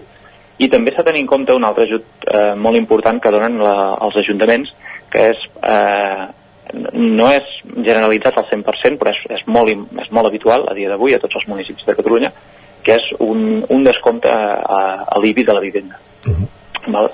Llavors, amb aquests, amb aquests dos ajuts en, eh, ens podem trobar doncs, amb instal·lacions que, si anteriorment hem comentat que a dia d'avui podem tenir un retorn entre els, els, els 6 i els 10 anys, un retorn de la inversió entre els 6 i els 10 anys, quan afegim aquestes ajudes eh, podem parlar de, de, de valors molt, molt més inferiors que podrien estar al voltant dels 3 o 4 anys. Miquel Bosch, enginyer industrial, director d'operacions a mercats energètics de Bessols Energia, gràcies per ser avui al Territori 17. De fet, qui vulgui aprofundir en aquesta qüestió el podem emplaçar dimarts de la setmana vinent a les 7 de la tarda, aquí mateix a la seu del 9-9, al marc d'un nou club de premsa, on participaràs en una, una conferència, una taula rodona al costat de, de Guillem Casals, responsable de compres també de Bessols Energia, i Albert Castells, regidor de manteniment i serveis de, de l'Ajuntament de Vic. Això, com dèiem, serà dimarts de la setmana vinent, el dia 25 25 d'octubre a les 7 de, de la tarda. Gràcies per fer-nos aquesta petita prèvia i això, ens emplacem a, a dimarts vinent. Eh, Miquel, moltíssimes gràcies. A vosaltres, moltes gràcies, Isaac. Bon dia. I acabem acabat aquesta intervenció des de la secció energètica del territori 17 el que fem tot seguit és actualitzar-nos com cada dia, quan ara mateix que passen 3 minuts al punt de les 10. Territori 17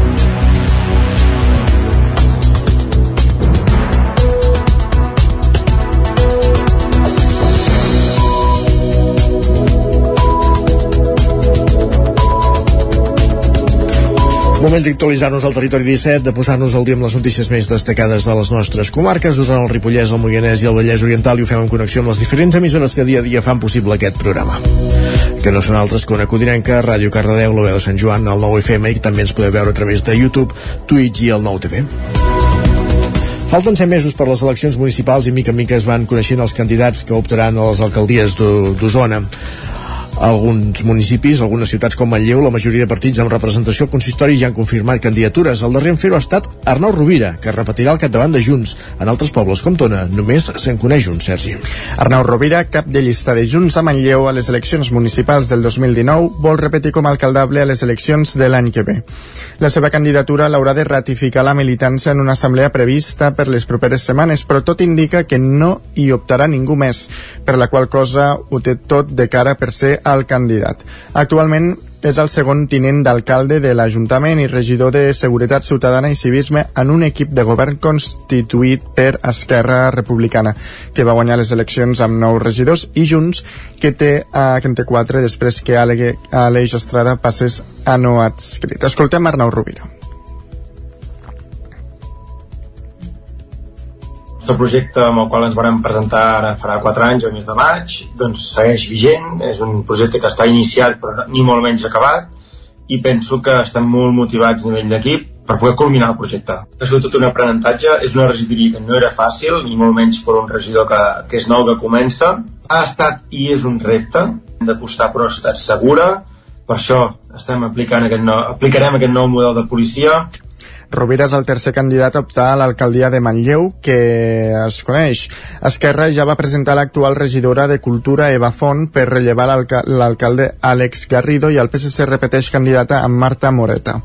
A Manlleu ja es coneixen pràcticament tots els alcaldables de les formacions que tenen representació al consistori, però d'entre els municipis més grans d'Osona hi ha Tona, on a set mesos per a les eleccions només se n'ha presentat un, Josep Manel Garcia, que repetirà pel PSC.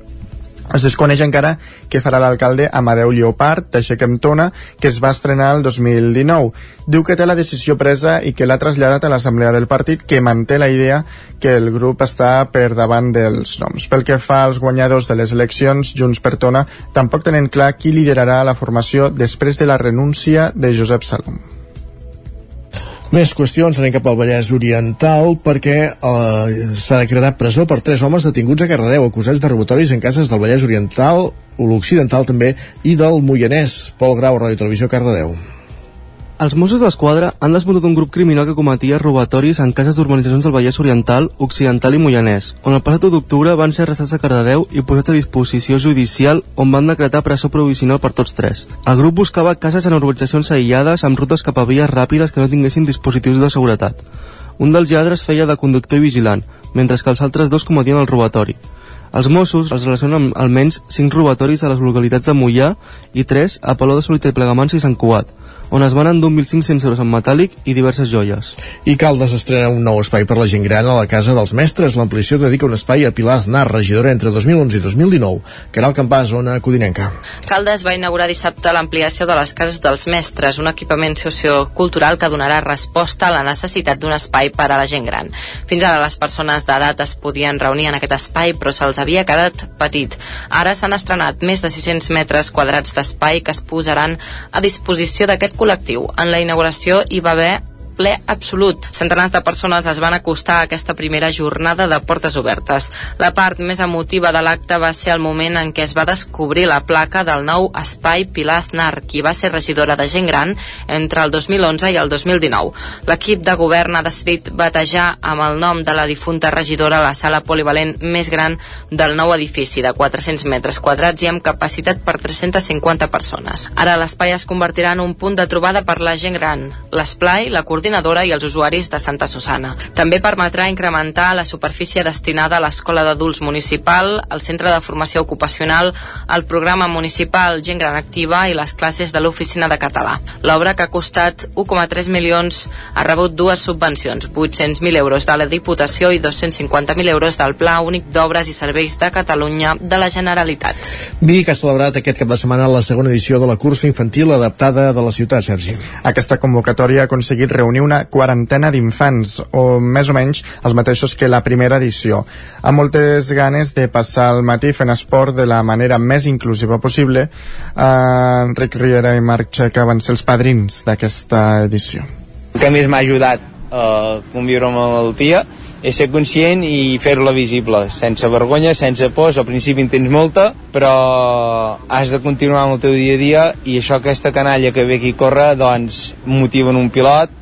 Ja per als, pels nens que fan la cursa eh, també és importantíssim perquè normalment no s'acostuma a, a fer esdeveniments d'aquest tipus llavors eh, ells estan jo crec que estan molt inclusius aquí eh, s'ho passen bé els infants i les famílies també tenen molt clara la importància d'aquest tipus d'esdeveniment. Això ho explicava en Georgina Coll, mare de la Clàudia, una de les participants de la cursa, i Roger Rovira, un dels participants. Que hayan actividades que te den ese espacio para que eh, tus peques puedan tener ese reconocimiento, ellos se sientan satisfechos, tú les puedas ver disfrutar, eh, conectar con otros niños, es espectacular.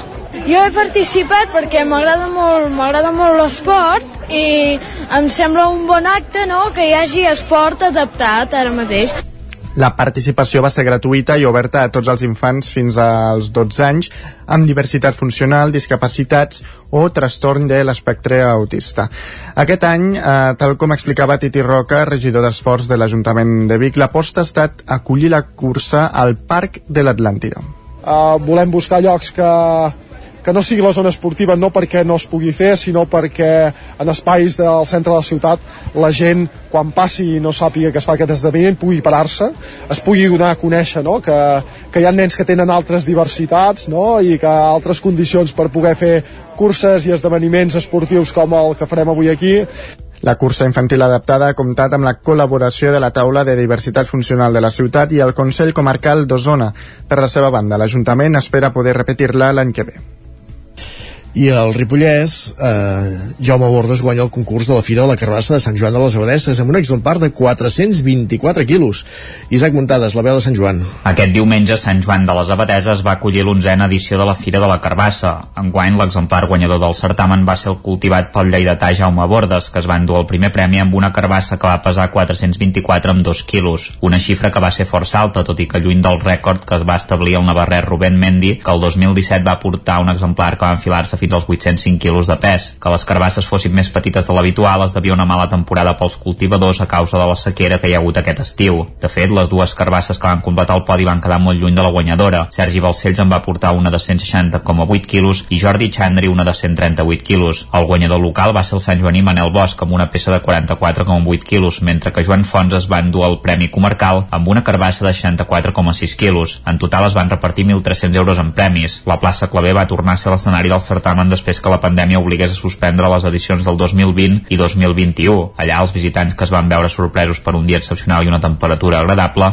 van poder passejar entre les parades de productes relacionats amb aquest fruit i la tardor, amb marmelades, cerveses, dolços i articles de decoració fets a partir de carbasses. També va haver-hi un artista que va transformar una carbassa gran en una bruixa esculpida sobre la seva escombra. A més a més, com a novetat, l'aula d'hostaleria va fer un show cooking.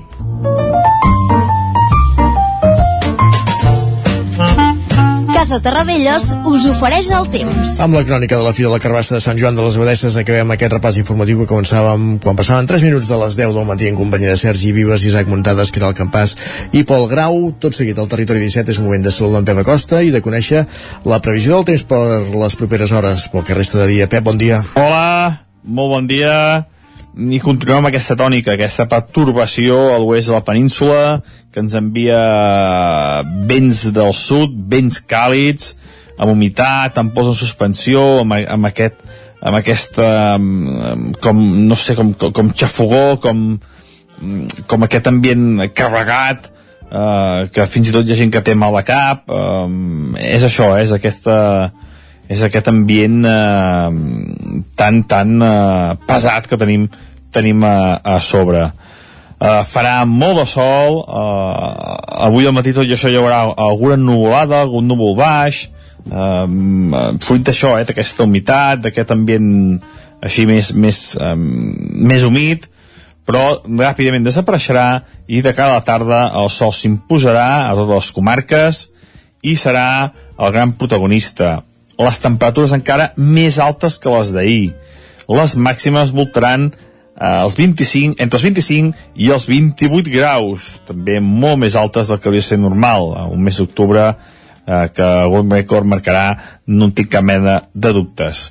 Els pròxims dies no es preveuen gaires canvis, amb molt poques novetats, i és que és això, eh? eh és greu el que està passant eh, avui, aquests dies, i és greu el que, el que es veu en el futur perquè mm, a mi m'agrada molt mirar els mapes eh, vaig mirar mapes un parell de vegades al dia i no es veuen cap canvi significatiu els pròxims 10 o 15 dies. I en 10 o 15 dies haurem acabat el mes. Per tant serà un mes eh, molt típic, molt típic aquest mes d'octubre eh, res, res de com hauria de ser normal. I això és tot, a disfrutar com es pugui del dia d'avui i veurem els pròxims dies si, si els mapes s'equivoquen i hi ha alguna novetat. Moltes gràcies i fins demà. Adeu. Gràcies a tu, Pep. Parlem demà amb aquest pessimista que ens acompanya quan mirem el temps perquè no veiem que la cosa evolucioni. Gràcies, com deia en Pep, de la previsió del temps anem cap a la secció d'Economia. Tot seguit saludem en Joan Carles Arredondo. Casa Tarradellas us ha ofert aquest espai. Territori 17. Envia'ns les teves notes de veu per WhatsApp al 646 079 023. 646 079 023. WhatsApp Territori 17.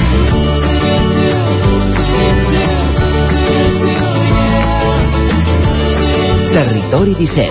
Som a Facebook, Twitter i Instagram amb l'usuari Territori 17.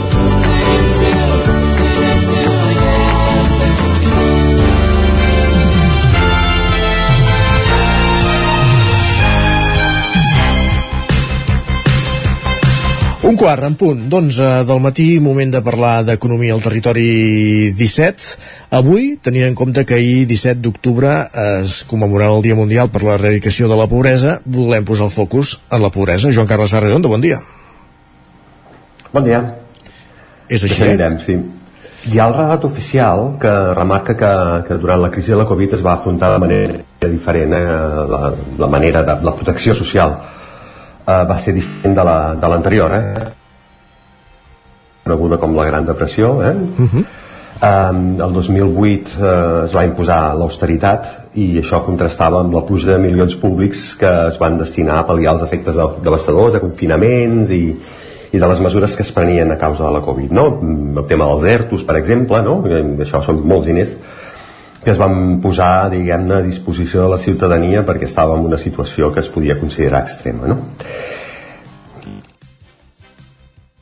I això és cert, no? En, en els mètodes, eh, almenys en aparença, són, són diferents, però els resultats no es poden considerar del tot satisfactoris si es té en compte l'evolució de la pobresa.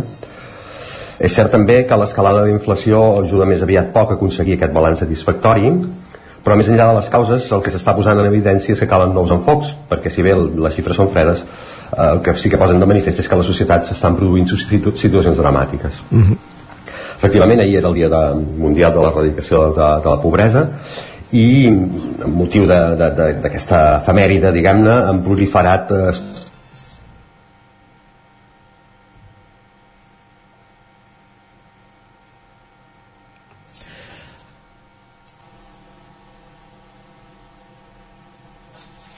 Vaja, que hem perdut també la connexió amb, amb el, Vallès, amb, la, amb el 9-9 Vallès Oriental, on teníem en Joan Carles Arredondo amb aquesta...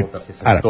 que és una, una taula que plega les diferents entitats que treballen amb, amb, diguem, amb, amb qüestions eh, socials eh, a Catalunya feia seva aquesta conclusió eh, però el que està expressant en aquest cas no és una opinió sinó una constatació de dades com els el, estudis de la taula europea antipobresa Catalunya població en risc de pobresa o exclusió s'ha incrementat en 2,5 punts de 2008 ençà mm, i ja arriba al 23,3%. Altres estudis encara ho posen més amunt.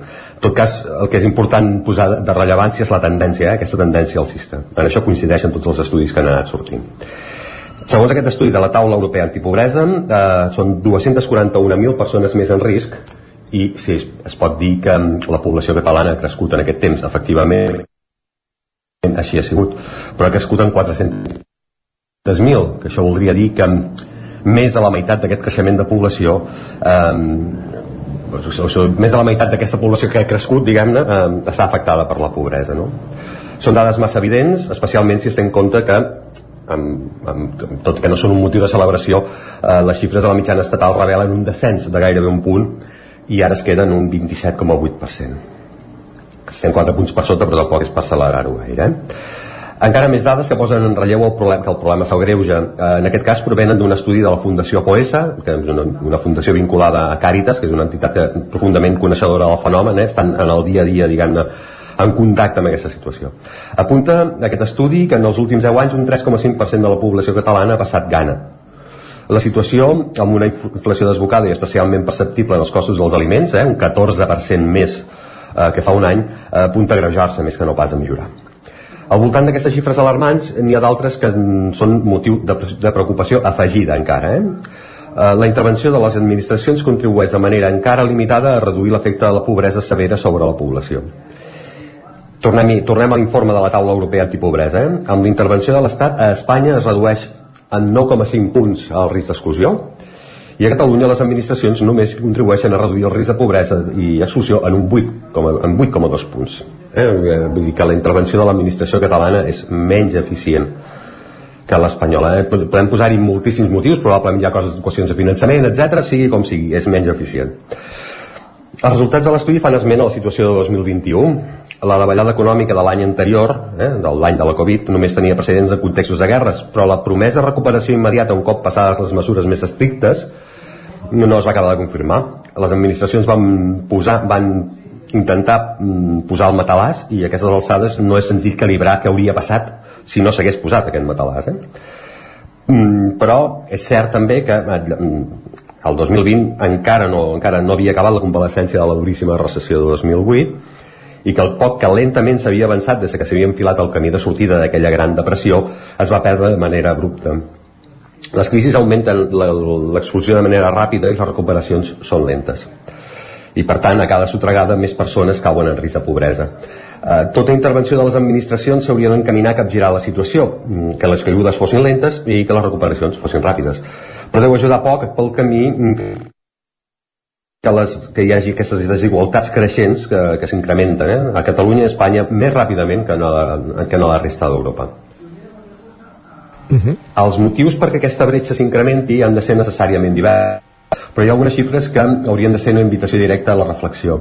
Veiem, a la crisi del 2008 va emergir la problemàtica d'amplis col·lectius que tot i estar actius laboralment no aconsegueixen sortir de la situació de pobresa. Eh? Tècnicament, la, la pobresa es quantifica per aquelles llars que no arriben al 60% dels ingressos mitjans d'un territori determinat. Això és la definició tècnica. Doncs, tot i estar treballant, ara mateix un 11% de les persones que tenen feina estan en aquesta situació, és a dir, en situació tècnica de pobresa. La mirada sobre la pobresa es fixa, es fixa i amb raó eh, sobre les administracions, però no s'hauria de perdre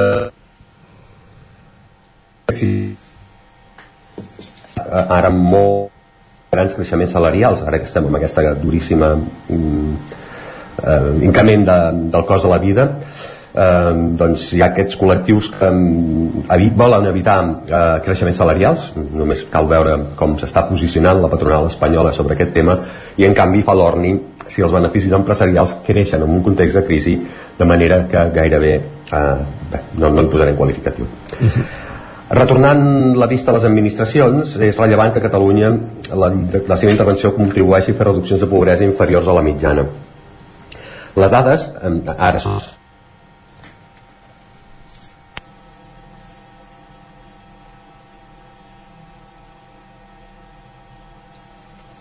Hem perdut ara sí aquesta comunicació amb, amb la seu del del Vallès Oriental amb en Joan Carles Arrendo. Intentem... Joan Carles, ets aquí, eh? No és gens agossarat demanar, per tant, més eficiència.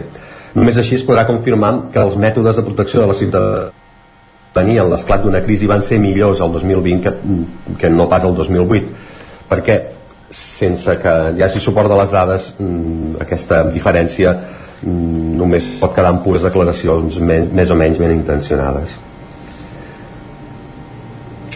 déu nhi doncs la situació eh, en què estem eh, és això, el que comentàvem que sembla que ens anem resituant però cada vegada anem perdent llençols i les dades de, de pobresa.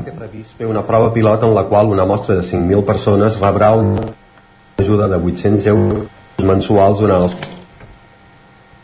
anys i es compararà l'evolució que segueixen amb la de 5.000 persones més que no eh? per, això es diu, és el que se'n diu un grup de control tot passarà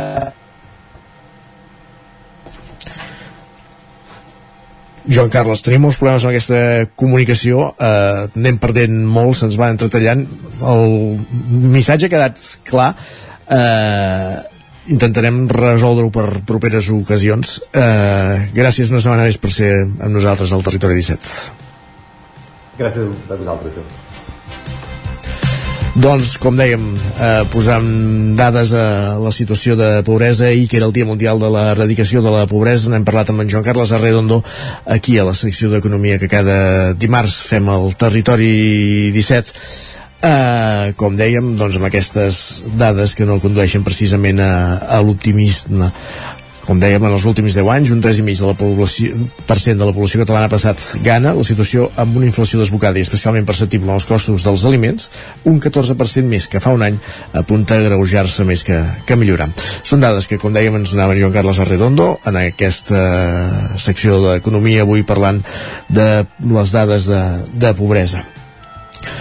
Acabat de la secció, acabat l'espai d'economia, avancem en el territori 17. De seguida anirem a la pausa i després de la pausa, com cada dimarts, ens acompanyarà també en Guillem Sánchez, capbussant-nos en el món de Twitter, de, repassant les piolades més destacades que hem de trobat a la xarxa en les últimes hores i després acabarem amb el Territori Dona, el programa d'avui, a la darrera mitja hora, amb la Maria López, la Natàlia Peix i la Caral Campàs, parlant, entre altres qüestions, de, del dol perinatal, perquè també, si ahir era el Dia Mundial de l'Eradicació de la Pobresa, el passat dissabte també es commemorava el Dia Mundial de, del dol perinatal, i en parlarem al Territori Dona, aquí al Territori de Set, com no podia ser d'altra manera, a partir de res, quan passin 3 minutets de, de dos quarts d'onze del matí a la recta final final del, del programa d'avui. Tot seguit el que farem, com dèiem, és una petita pausa i tornarem amb la resta de continguts previstos per aquest dimarts 20, 18 d'octubre de 2022 aquí al Territori 17. Territori 17. Envia'ns les teves notes de veu per WhatsApp al 646 079 023. 646 079 023. WhatsApp Territori 17.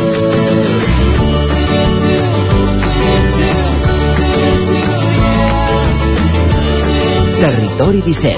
Som a Facebook, Twitter i Instagram amb l'usuari Territori 17.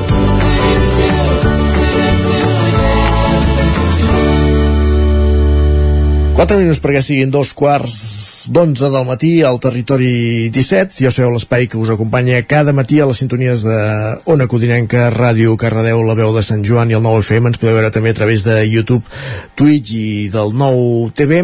Tot seguit una pausa per la publicitat, 3 minutets i tornem amb la resta de continguts previstos per aquest dimarts 18 d'octubre. Com dèiem, primer de tot, Laura Sánchez, amb en Guillem Sánchez capbussant-se al món de Twitter, repassant les pilades més destacades que ha trobat a la xarxa en les últimes hores i ja us veu sempre amb un to distès i rient una mica i acabem el programa com sempre com cada dimarts amb el territori dona i avui parlant del dol perinatal ara però com dèiem una pausa de 3 minutets re i tornem d'aquí de seguida amb els continguts que falten pel territori 17 d'avui El nou FM, la ràdio de casa, al 92.8. Ja tens la teva disfressa de Halloween? A Manli tenim les més terrorífiques. Vine a buscar caretes i tots els complements que et calguin per passar una nit de por.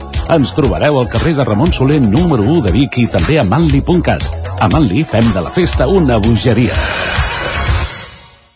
A Rialtec som especialistes en instal·lacions fotovoltaiques, aerotèrmia, clima i instal·lacions integrals pel teu habitatge o la teva empresa. Demana el teu pressupost sense cap compromís. Rialtec. Ens trobaràs al carrer Narcís Monturiol 22 de Gurb i al telèfon 93 131 1796. Passema, comercial de maquinària i utillatges amb més de 50 anys al vostre servei. Visiteu la nostra botiga i trobareu productes de gran qualitat. Passema, som al polígon Sot dels Pradals, al carrer Cervera 10 de Vic. Telèfon 93 885 32 51. A Deportec estem especialitzats en el tractament d'aigües residuals i el tractament de purins. Donem un servei integral en el tractament de l'aigua, oferint el disseny de la línia hidràulica, reparacions i manteniment, analítiques, formulació i subministrament de productes químics. Ara a Deportec et podem ajudar a obtenir un gran estalvi energètic en la deshidratació de fangs, oferint-te un sistema innovador, el Depordisc. Deportec, ens trobaràs al carrer de la Fusteria 22, al polígon de les Gaules, a Tona. Cobertes serveis funeraris. Els nostres tanatoris estan ubicats en els nuclis urbans més poblats de la comarca d'Osona per oferir un millor servei. Tanatori de Vic, Tanatori de Manlleu, Tanatori de Centelles i Tanatori de Roda de Ter. Sabem que són moments difícils i per això el nostre compromís és atendre-us en tot moment amb un tracte humà, sensible i respectuós. Cobertes serveis funeraris. Telèfon 24 hores 93 883 23 46. Anuncia't al 9FM. La màquina de casa. 9 3 8 8 9 4 9 4 9 Publicitat arroba al 9FM.cat. Anuncia't al 9FM. La publicitat més eficaç. Cocodril Club. Si t'agrada la bona música dels anys 60, 70 i 80, escolta el 9 FM els matins de dissabtes i diumenges d'11 a 1. És el temps del Cocodril Club, tot un clàssic de la ràdio, amb les bases del pop-rock, les llegendes, les cançons que s'han convertit en autèntics himnes. Recorda, dissabtes i diumenges al matí, d'11 a 1, al 9 FM 92.8. Cocodril Club, el programa revival de l'Albert Malla. Hasta luego, cocodrilo. El nou FM, el nou FM, el nou FM, el nou FM, el nou FM. En punt dos quarts d'onze.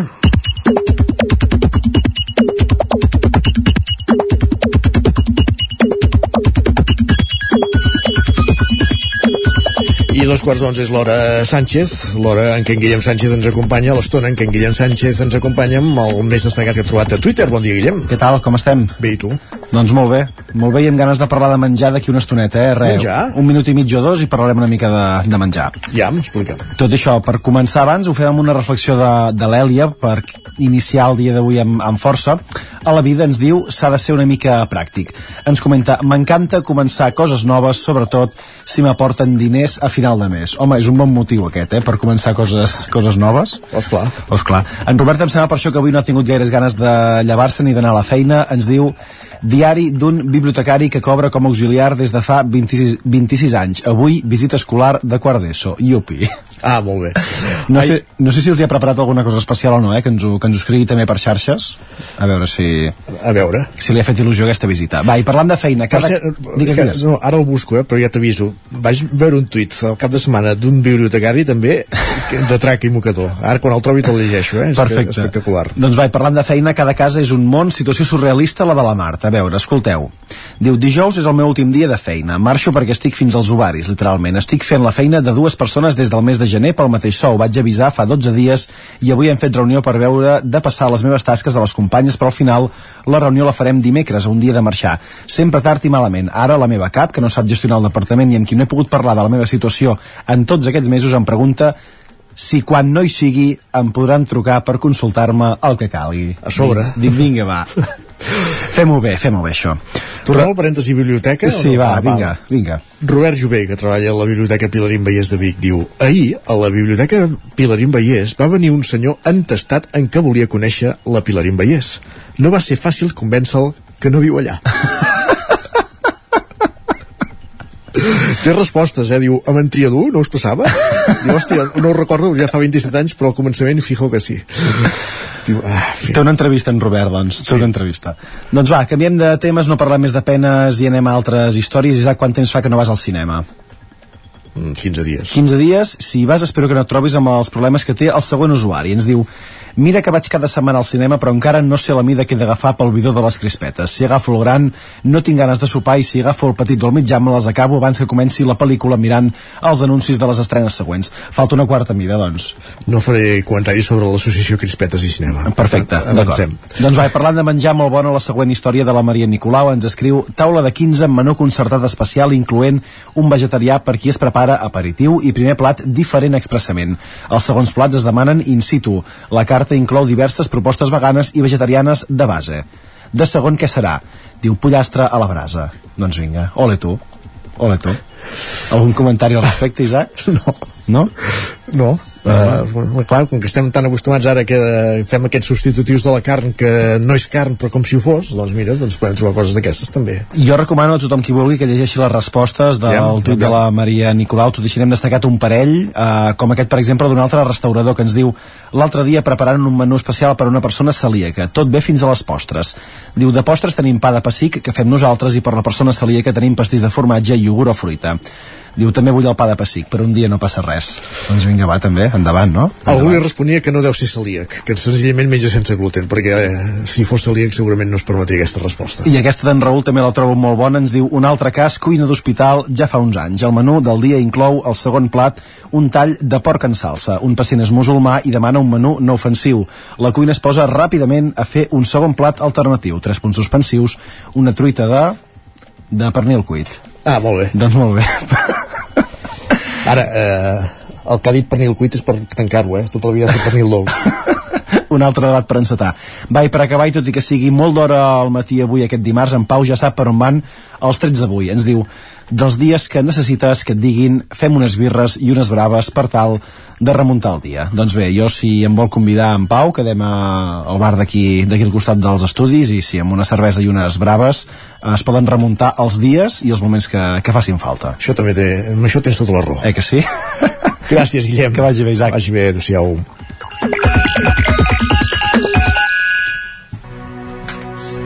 Territori 17. El 9 FM, la veu de Sant Joan, Ona Codinenca, Ràdio Cardedeu, Territori 17.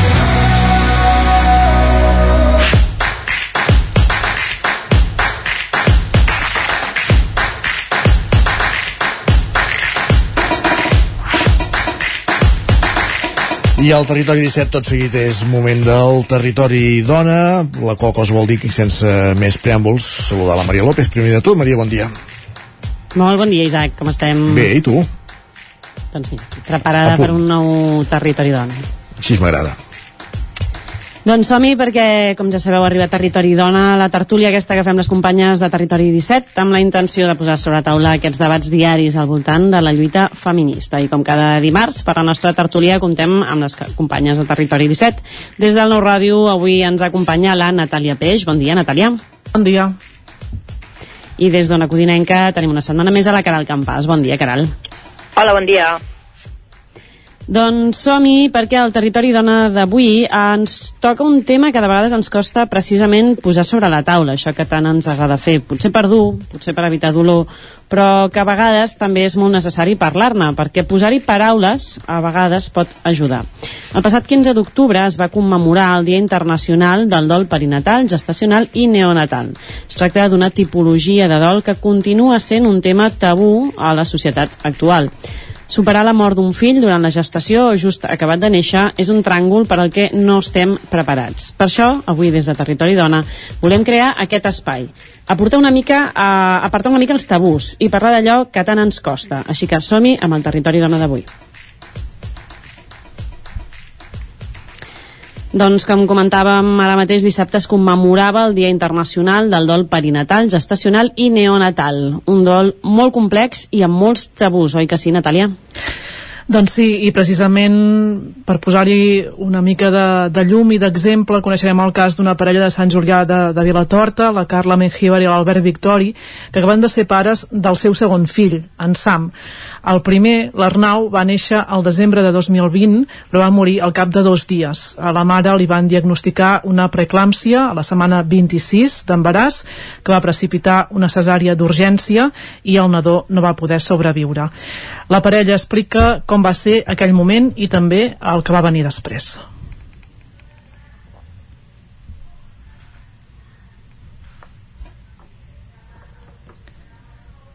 I la veritat és que el nen va néixer, va néixer viu, s'ha de dir, però havia fet un, un derrame cerebral total i això implica que el nen doncs, no podia cap, fer cap tipus de funció per, per ell mateix i vam decidir que, que baixessin un punt la, la respiració artificial vam arribar a casa i crec que va ser el cop de realitat més gran que vam tenir de dir, vale, ja tenim les coses preparades per al nen i, i no, ja no tenim el nen llavors, clar, va ser ja no només el, el de donar-nos compte nosaltres de que ja no hi havia nens, sinó doncs, de, desfer totes les gestions que també havíem fet no? de, ostres, de la llista de les coses que havíem comprat de la cuna que poder ja teníem normalitzar-ho tant amb en Sam quan sigui més gran i puguem parlar una miqueta amb ell sobre aquest tema com amb la gent que ens demana Uh, l'Arnau és el nostre fill encara que a dia d'avui no hi sigui i intentem recordar-lo sempre que tenim un momentet la Carla i l'Albert destaquen el suport rebut, però també que per tenir, per exemple, atenció psicològica van haver de recórrer a l'àmbit privat.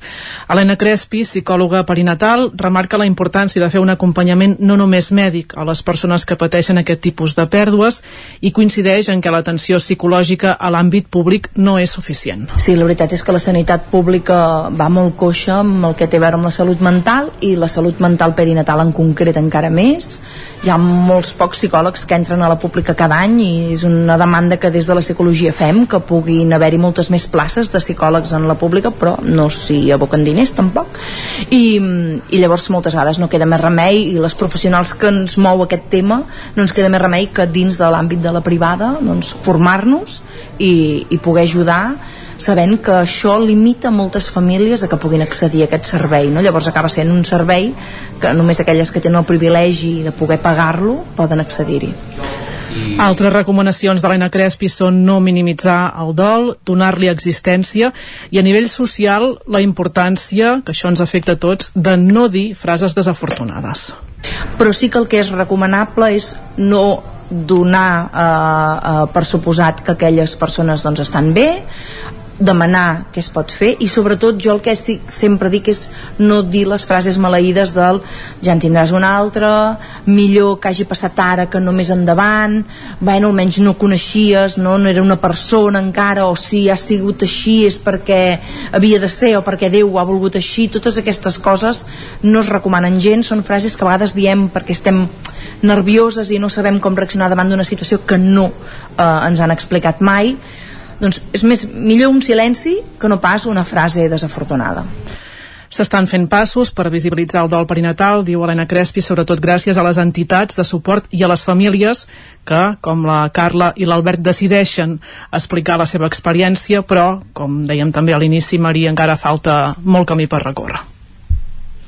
Estava pensant, en Natàlia, amb aquestes últimes frases, sobretot de, de l'Helena Crespi, no? aquestes, aquests, aquests intents de, de donar suport eh, tan nefast que, que, que en realitat la gent ho fa amb bona voluntat, eh? però el problema precisament al final dels tabús és aquest, no? És que quan no s'ha parlat mai d'un tema, eh, per por, per, perquè, per, perquè no, implica la mort, que d'entrada ja per, a la nostra societat parlar de la mort obertament és molt tabú, però a més a més la mort d'un nen que acaba de néixer, nen o nena que acaba de néixer o que encara no havia nascut, doncs encara és com és un, és un, un tabú al quadrat, no? per dir d'alguna manera. El problema que tenen els tabús és que llavors, quan volem parlar-ho, quan volem tractar-los, som incapaços de fer-ho. És que no tenim No en eines, sabem. perquè no sabem no sabem què hem de dir, no sabem com, com donar suport a una persona que està passat per aquest tràngol, no? I, i acompanyar, que és el millor que podem fer com a familiars, com a amics, com a, com a persones que envolten aquesta persona que està patint d'alguna manera aquesta pèrdua, no en tenim ni idea. No i, I al final ella ho deia, no? quasi millor quedar-nos callats que no dir Sí. segons quines frases. o demanar a la persona què, què necessita no? Mm, abans que dir això, aquestes frases que algunes, diguem, entren en el sentit comú i d'altres jo penso que potser ja no, no? però en tot cas sí que és, és curiós perquè segurament si mirem al nostre voltant tots o pràcticament tots i totes coneixem algun cas de, de pèrdues, no? de pèrdues en, en estats eh, ja molt avançats de l'embaràs, de pèrdues en estadis més, més prin del principi, que també hi ha persones que, que les viuen doncs, com unes pèrdues molt, molt doloroses, encara que, que això, que sigui una setmana 6, 8 d'embaràs, 12, no? Um, per tant, vull dir que tots, tots hem conegut casos d'aquests, hi ha moltes persones que també segur que les han patit i en canvi és això, no, no sabem ni com donar suport a, a una persona del nostre voltant que, que ha passat per una situació d'aquest tipus, per tant és evident que cal mm, visibilitzar-ho, no? que cal posar-hi el focus, que cal que reflexionem sobre què podem fer tot, tots plegats uh, per, per donar visibilitat a aquest dol i per poder-lo acompanyar i afrontar de la manera més saludable possible no? Din- dintre de la gravetat i, i les dificultats i el dolor de, de la situació Ara parlaves de que això, no? d'alguna manera a vegades és una mica de sentit comú segons quines frases, però està clar que el sentit comú és dels menys, de, dels menys comuns dels sentits, no? I, i que de vegades ens falta molta mà esquerra i jo crec que aquests nervis, aquest no saber actuar et porten, et porten moltes vegades a voler minimitzar el dolor, que crec que és un dels grans errors no? voler fer veure que no passa res com si així a la persona li traguessis una mica de pes no? Exacte, i potser el que necessita aquesta persona aquestes. precisament és donar espai no, a, aquest dolor i per això també hi ha algunes iniciatives més d'àmbit públic no, que en parlarem d'aquests espais de record que s'estan creant a, en alguns municipis tot i que veia també les dades que donava el Departament d'Igualtat i Feminismes que n'hi ha una seixantena d'espais de record a, a aquest del neonatal, perinatal i gestacional a tot el país, vull dir que tampoc són tants, no? I que precisament aquest cap de setmana se n'han inaugurat una desena d'aquests 60 vull dir que també són accions per exemple a nivell no, de, de polítiques públiques que ja més una inversió super petita la que pot suposar crear un espai de record en un cementiri o en un lloc públic del municipi. I està bé que n'hi hagin una seixantena però és que segurament n'hi haurien d'haver n'hi haurien d'haver molts més no, també. Fixa't que curiós que des d'una seixantena 10 han estat el darrer cap de setmana. Sí, sí, jo sí. crec que amb això ja de quasi d'alguna manera ens hem de felicitar entre cometes molt grans perquè està clar que, que d'alguna manera el, el, la gestió emocional i aquest altre tipus de situacions que no són purament de necessitat mèdica física sinó més enllà emocional o Més mental social. comencen a ocupar el seu espai la, els organismes públics comencen a fer-se una idea i precisament d'espais com aquests ens parlarà la Caral, oi? perquè mm. tenim un parell d'exemples ben, ben propers Sí, de fet, a la Garriga no forma part d'aquests eh, 10 que s'han inaugurat aquest cap de setmana, però eh, sí que ha sigut molt recent. Va ser dijous passat la inauguració eh, d'aquest espai del dol gestacional perinatal i neonatal. Eh, I bé, la- l'alcaldessa la, de la Garriga explicava que que bé, va, sorgeix d'una petició de les famílies que elles mateixes doncs, que han patit una pèrdua durant l'embaràs, el part o poc després del naixement, eh, doncs aquesta inquietud de voler tenir aquest espai al poble. I a la Garriga han decidit adequar aquest espai fora del, del, del cementiri. Eh, concretament està situat al bosc Malhivern eh, i aquest espai doncs, mm, vol donar aquest eh, lloc de reconeixement i d'aquestes famílies que també puguin anar allà a fer el seu petit homenatge. També l'alcaldessa explicava que més enllà d'aquest espai també es vol dotar de recursos a aquestes famílies des de serveis socials coordinats amb el centre de salut per donar aquest suport psicològic, com també la biblioteca on explicava que mm, fins fa poc només hi havia un llibre que parlava de, del dol eh, perinatal eh, i bé, doncs ara també volen donar a conèixer tota la bibliografia. I un altre municipi de, proper a la, a la zona, al Vallès Oriental, eh, on hi ha un espai d'aquest tipus, és Caldes de Montbui, eh, que va estar més fa més dies que el van inaugurar, va ser eh, aquest passat abril, um, però a diferència de la Garriga, sí que està el cementiri en aquest cas. Um, allà van doncs, adequar la zona de l'antiga ossera que es va transformar completament amb la creació d'un espai que um, l'he pogut veure de prop i realment és, és molt senzill, simple però com molt digne eh, i molt, doncs, això, acollidor. És una àrea així enjardinada amb, amb alguns bancs i al centre hi ha una placa de record a, les famílies Uh, I bé, doncs aquesta presentació de l'Espai a Caldes uh, va comptar aquest passat d'abril amb l'assistència de representants de l'Associació de Famílies d'Andol del Vallès, ANEL, uh, que doncs, compta amb dos representants alcaldes de Montbui que van ser una mica qui van incentivar o motivar també, com en el cas de la Garriga que van ser les famílies, doncs aquí la, aquesta associació ANEL eh, la motivació doncs, de poder eh, crear aquest espai a Caldes.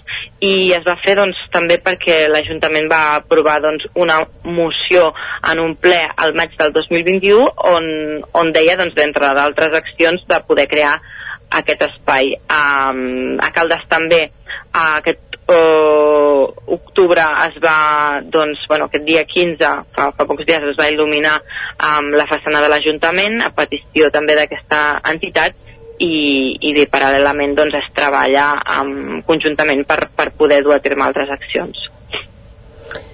Està clar, com dèiem, que, que sembla que alguna els ajuntaments o les institucions comencen a, a ser conscients de, de, de que els nostres problemes van més enllà mèdics van més enllà de lo físic, que es necessiten acompanyaments emocionals, que es necessiten acompanyaments eh, psicològics en, moltes, en molts casos i que, i que per això també està l'administració. Um, un altre dels temes que va d'alguna manera lligat uh, és el tema de la no maternitat. Uh, per dir d'alguna manera, hi ha, hi ha casos o hi ha situacions, com la que ens explicava n'explicaves Natàlia al principi, en els que eh, hi ha noves oportunitats posteriorment i on finalment doncs, eh, la família eh, un cop superat el dol eh, aconsegueix o, o s'acaba acaba tenint algun altre fill biològic. Però hi ha casos on això no pot ser i la paraula infertilitat és una paraula que fa molta por i que en molts casos també costa de pronunciar. Però també és una paraula que avui dia està molt més a l'ordre del dia del que pot semblar. D'això precisament ens va parlar ara fa un temps la instagramer Gisela Baz, que ens va visitar aquí a Cardedeu, amb la que vam poder parlar eh, del racó de pensar, que era la, la tertúlia que fèiem sobre educació, precisament del concepte de la no maternitat, d'aquesta acceptació del no poder tenir fills. Recordem un momentet que ens deia la Gisela ara fa un any.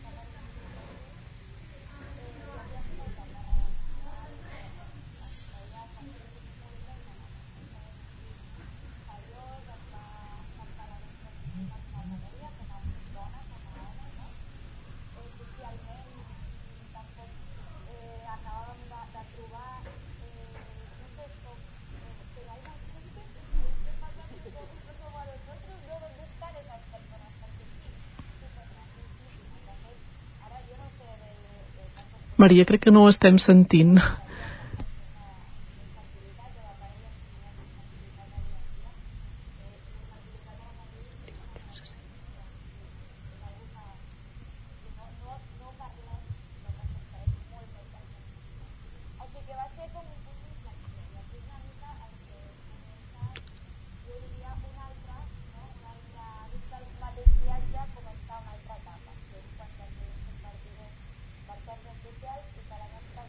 Sembla que hi ha algun problema que no s'està sentint l'àudio.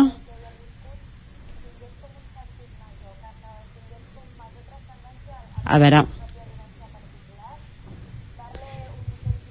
Bàsicament estem sentint, sembla que no s'està arribant correctament a aquest àudio, tot i que sí que ens arriba a l'estudi, però estem escoltant a la Gisela Baz que ens, ens portava aquest testimoni ara fa un any.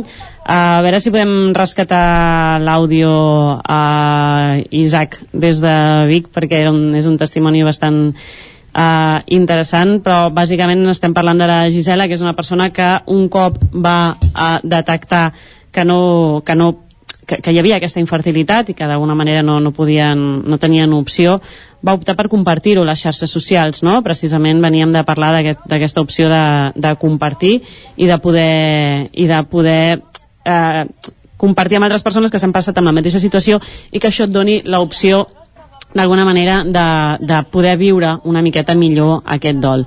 En aquest cas, la, la Gisela eh, va en aquell moment optar per aquesta opció, però actualment el seu perfil ha canviat totalment havíem, i ell a nivell personal ha optat per centrar-lo en altres temes. Qui sí parla obertament i sense tabús actualment d'aquest tema i que precisament ajuda gràcies a això a moltes altres persones és la Míriam Aguilar, des del seu perfil d'Instagram Hola Soy Mir, però també amb sessions d'acompanyament. La Míriam va intentar ser mare durant 8 anys amb quatre pèrdues gestacionals i a partir d'aquell moment va començar a visibilitzar la seva situació, aquesta no maternitat de la que parlàvem per les xarxes socials i a través de la seva pròpia experiència va començar també a reflexionar i compartir com viuen les dones aquests processos. D'aquesta manera se'n va donar de que compartir-ho amb dones que han viscut situacions similars és també una manera de viure el dol. La Míriam fa trobades de dones tant per acceptar la no maternitat com dones que han patit una pèrdua gestacional o neonatal i volen tornar a intentar un embaràs. Evidentment, amb moltes pors. O fins i tot trobades per saber com compartir aquesta situació amb les altres persones, com trencar aquests tabús.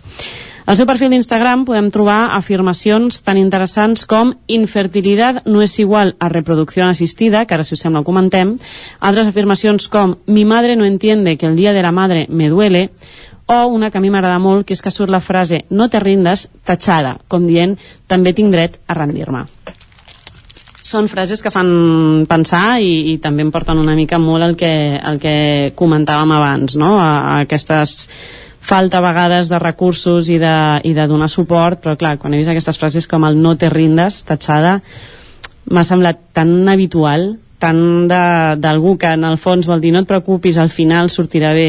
És que hi ha vegades que no surt bé, no? Sí, sí.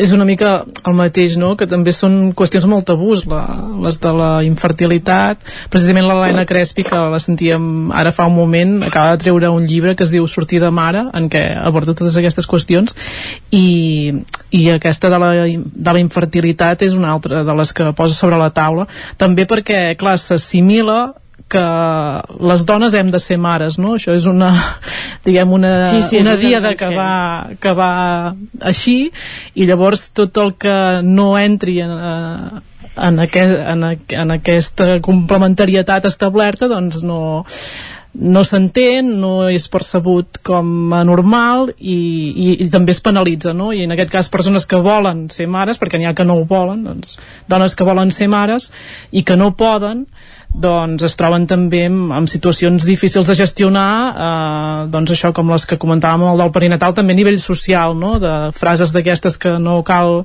dir eh, de no entendre o de, de donar per fet que, que ha d'arribar una criatura sí o sí facis el que facis no? I, i, bueno, i després hi ha tota l'altra qüestió de de, del, de la qüestió econòmica, no? del que suposen determinats processos per aconseguir embarassos no, no biològics. Totalment, en aquests dies això sembla que, que haguem vingut a ser mares. Uh, molt ràpid i us explicaré per acabar un experiment que es va fer en una llar d'infants aquí a, a Cardedeu amb tot un procés que s'ha fet durant 4 anys de, de coeducació a totes les llars d'infants, escoles i instituts eh, i on s'ha format a tots els educadors al voltant, al voltant d'aquestes temàtiques. I es va fer com una mena d'experiment eh, que ens el van explicar aquí en el seu moment en una entrevista amb, el, amb els docents, les docents en aquest cas eren tot noies d'una llar d'infants i on van fer dos grups, no? I els hi van donar cadascú un nino i un era una nina, se suposava que es deia Anna, l'altra era en Martí, per exemple. I cada grup havia de fer com cinc fotos del que eren els moments vitals de la vida d'aquest nadó, no? I, I era aquesta comparativa. I el més impressionant era com la foto finish no? d'aquella persona, del que havia de ser la felicitat aparent d'aquella persona, aquest experiment es va fer potser fa 7 anys, eh, ja. Uh, uh, I a la, vida, a la vida del noi, del Martí, havia acabat amb ell uh, trajat amb un èxit laboral mm, brutal i amb el reconeixement de la gent. Aquest era l'èxit en el cas d'ell i en el cas d'ella, l'èxit era estar amb una criatura al costat i era feliç gràcies a que hi havia aquella criatura al costat, no? Llavors, d'alguna manera, eh, quan, quan es van adonar amb la comparativa, una cosa que ara així jo explicada veiem tan evident, però que tu quan estàs amb el teu joc només fixant-te en quina seria la vida ideal d'aquest nadó, acabes pensant que el, el cim de la vida de la dona, la culminació, arriba amb la maternitat. I, i si això és el que, el, el que ens espera, com a dones, ostres, apagui vamonos, no? Vull dir, aquesta, fins aquí era la meva feina, gràcies. Mm, crec que tenim un gran problema com a societat si, si només veiem a la dona com a sistema reproductiu de l'espècie i, i, i a, a, deixem a banda el valor de la dona en si, saps? Sí, sí, claríssim. I d'altra banda, fins aquí, sí, sí. que també no, els, els pares, els homes podrien ser molt feliços amb la paternitat, no? Vull dir que l'objectiu també podria ser, podria ser el mateix, no? Eh, aquest o un altre, però en tot cas, el que, que siguin diferents potser és el, el gran problema, no? Totalment, doncs està clar que ens queda molta feina per fer, que sembla que acabem tots el, totes les tertúlies així, però és que és veritat, ens queda molta feina per fer. Gràcies Natàlia, gràcies Caral. Si us sembla avui per tancar, eh, ens agradaria fer-ho de la mà de Xiula amb la seva cançó Et faig un lloc, una cançó que precisament parla dels fills no vinguts o que han viscut per poc temps. Així que amb aquesta cançó tornem dimarts que ve.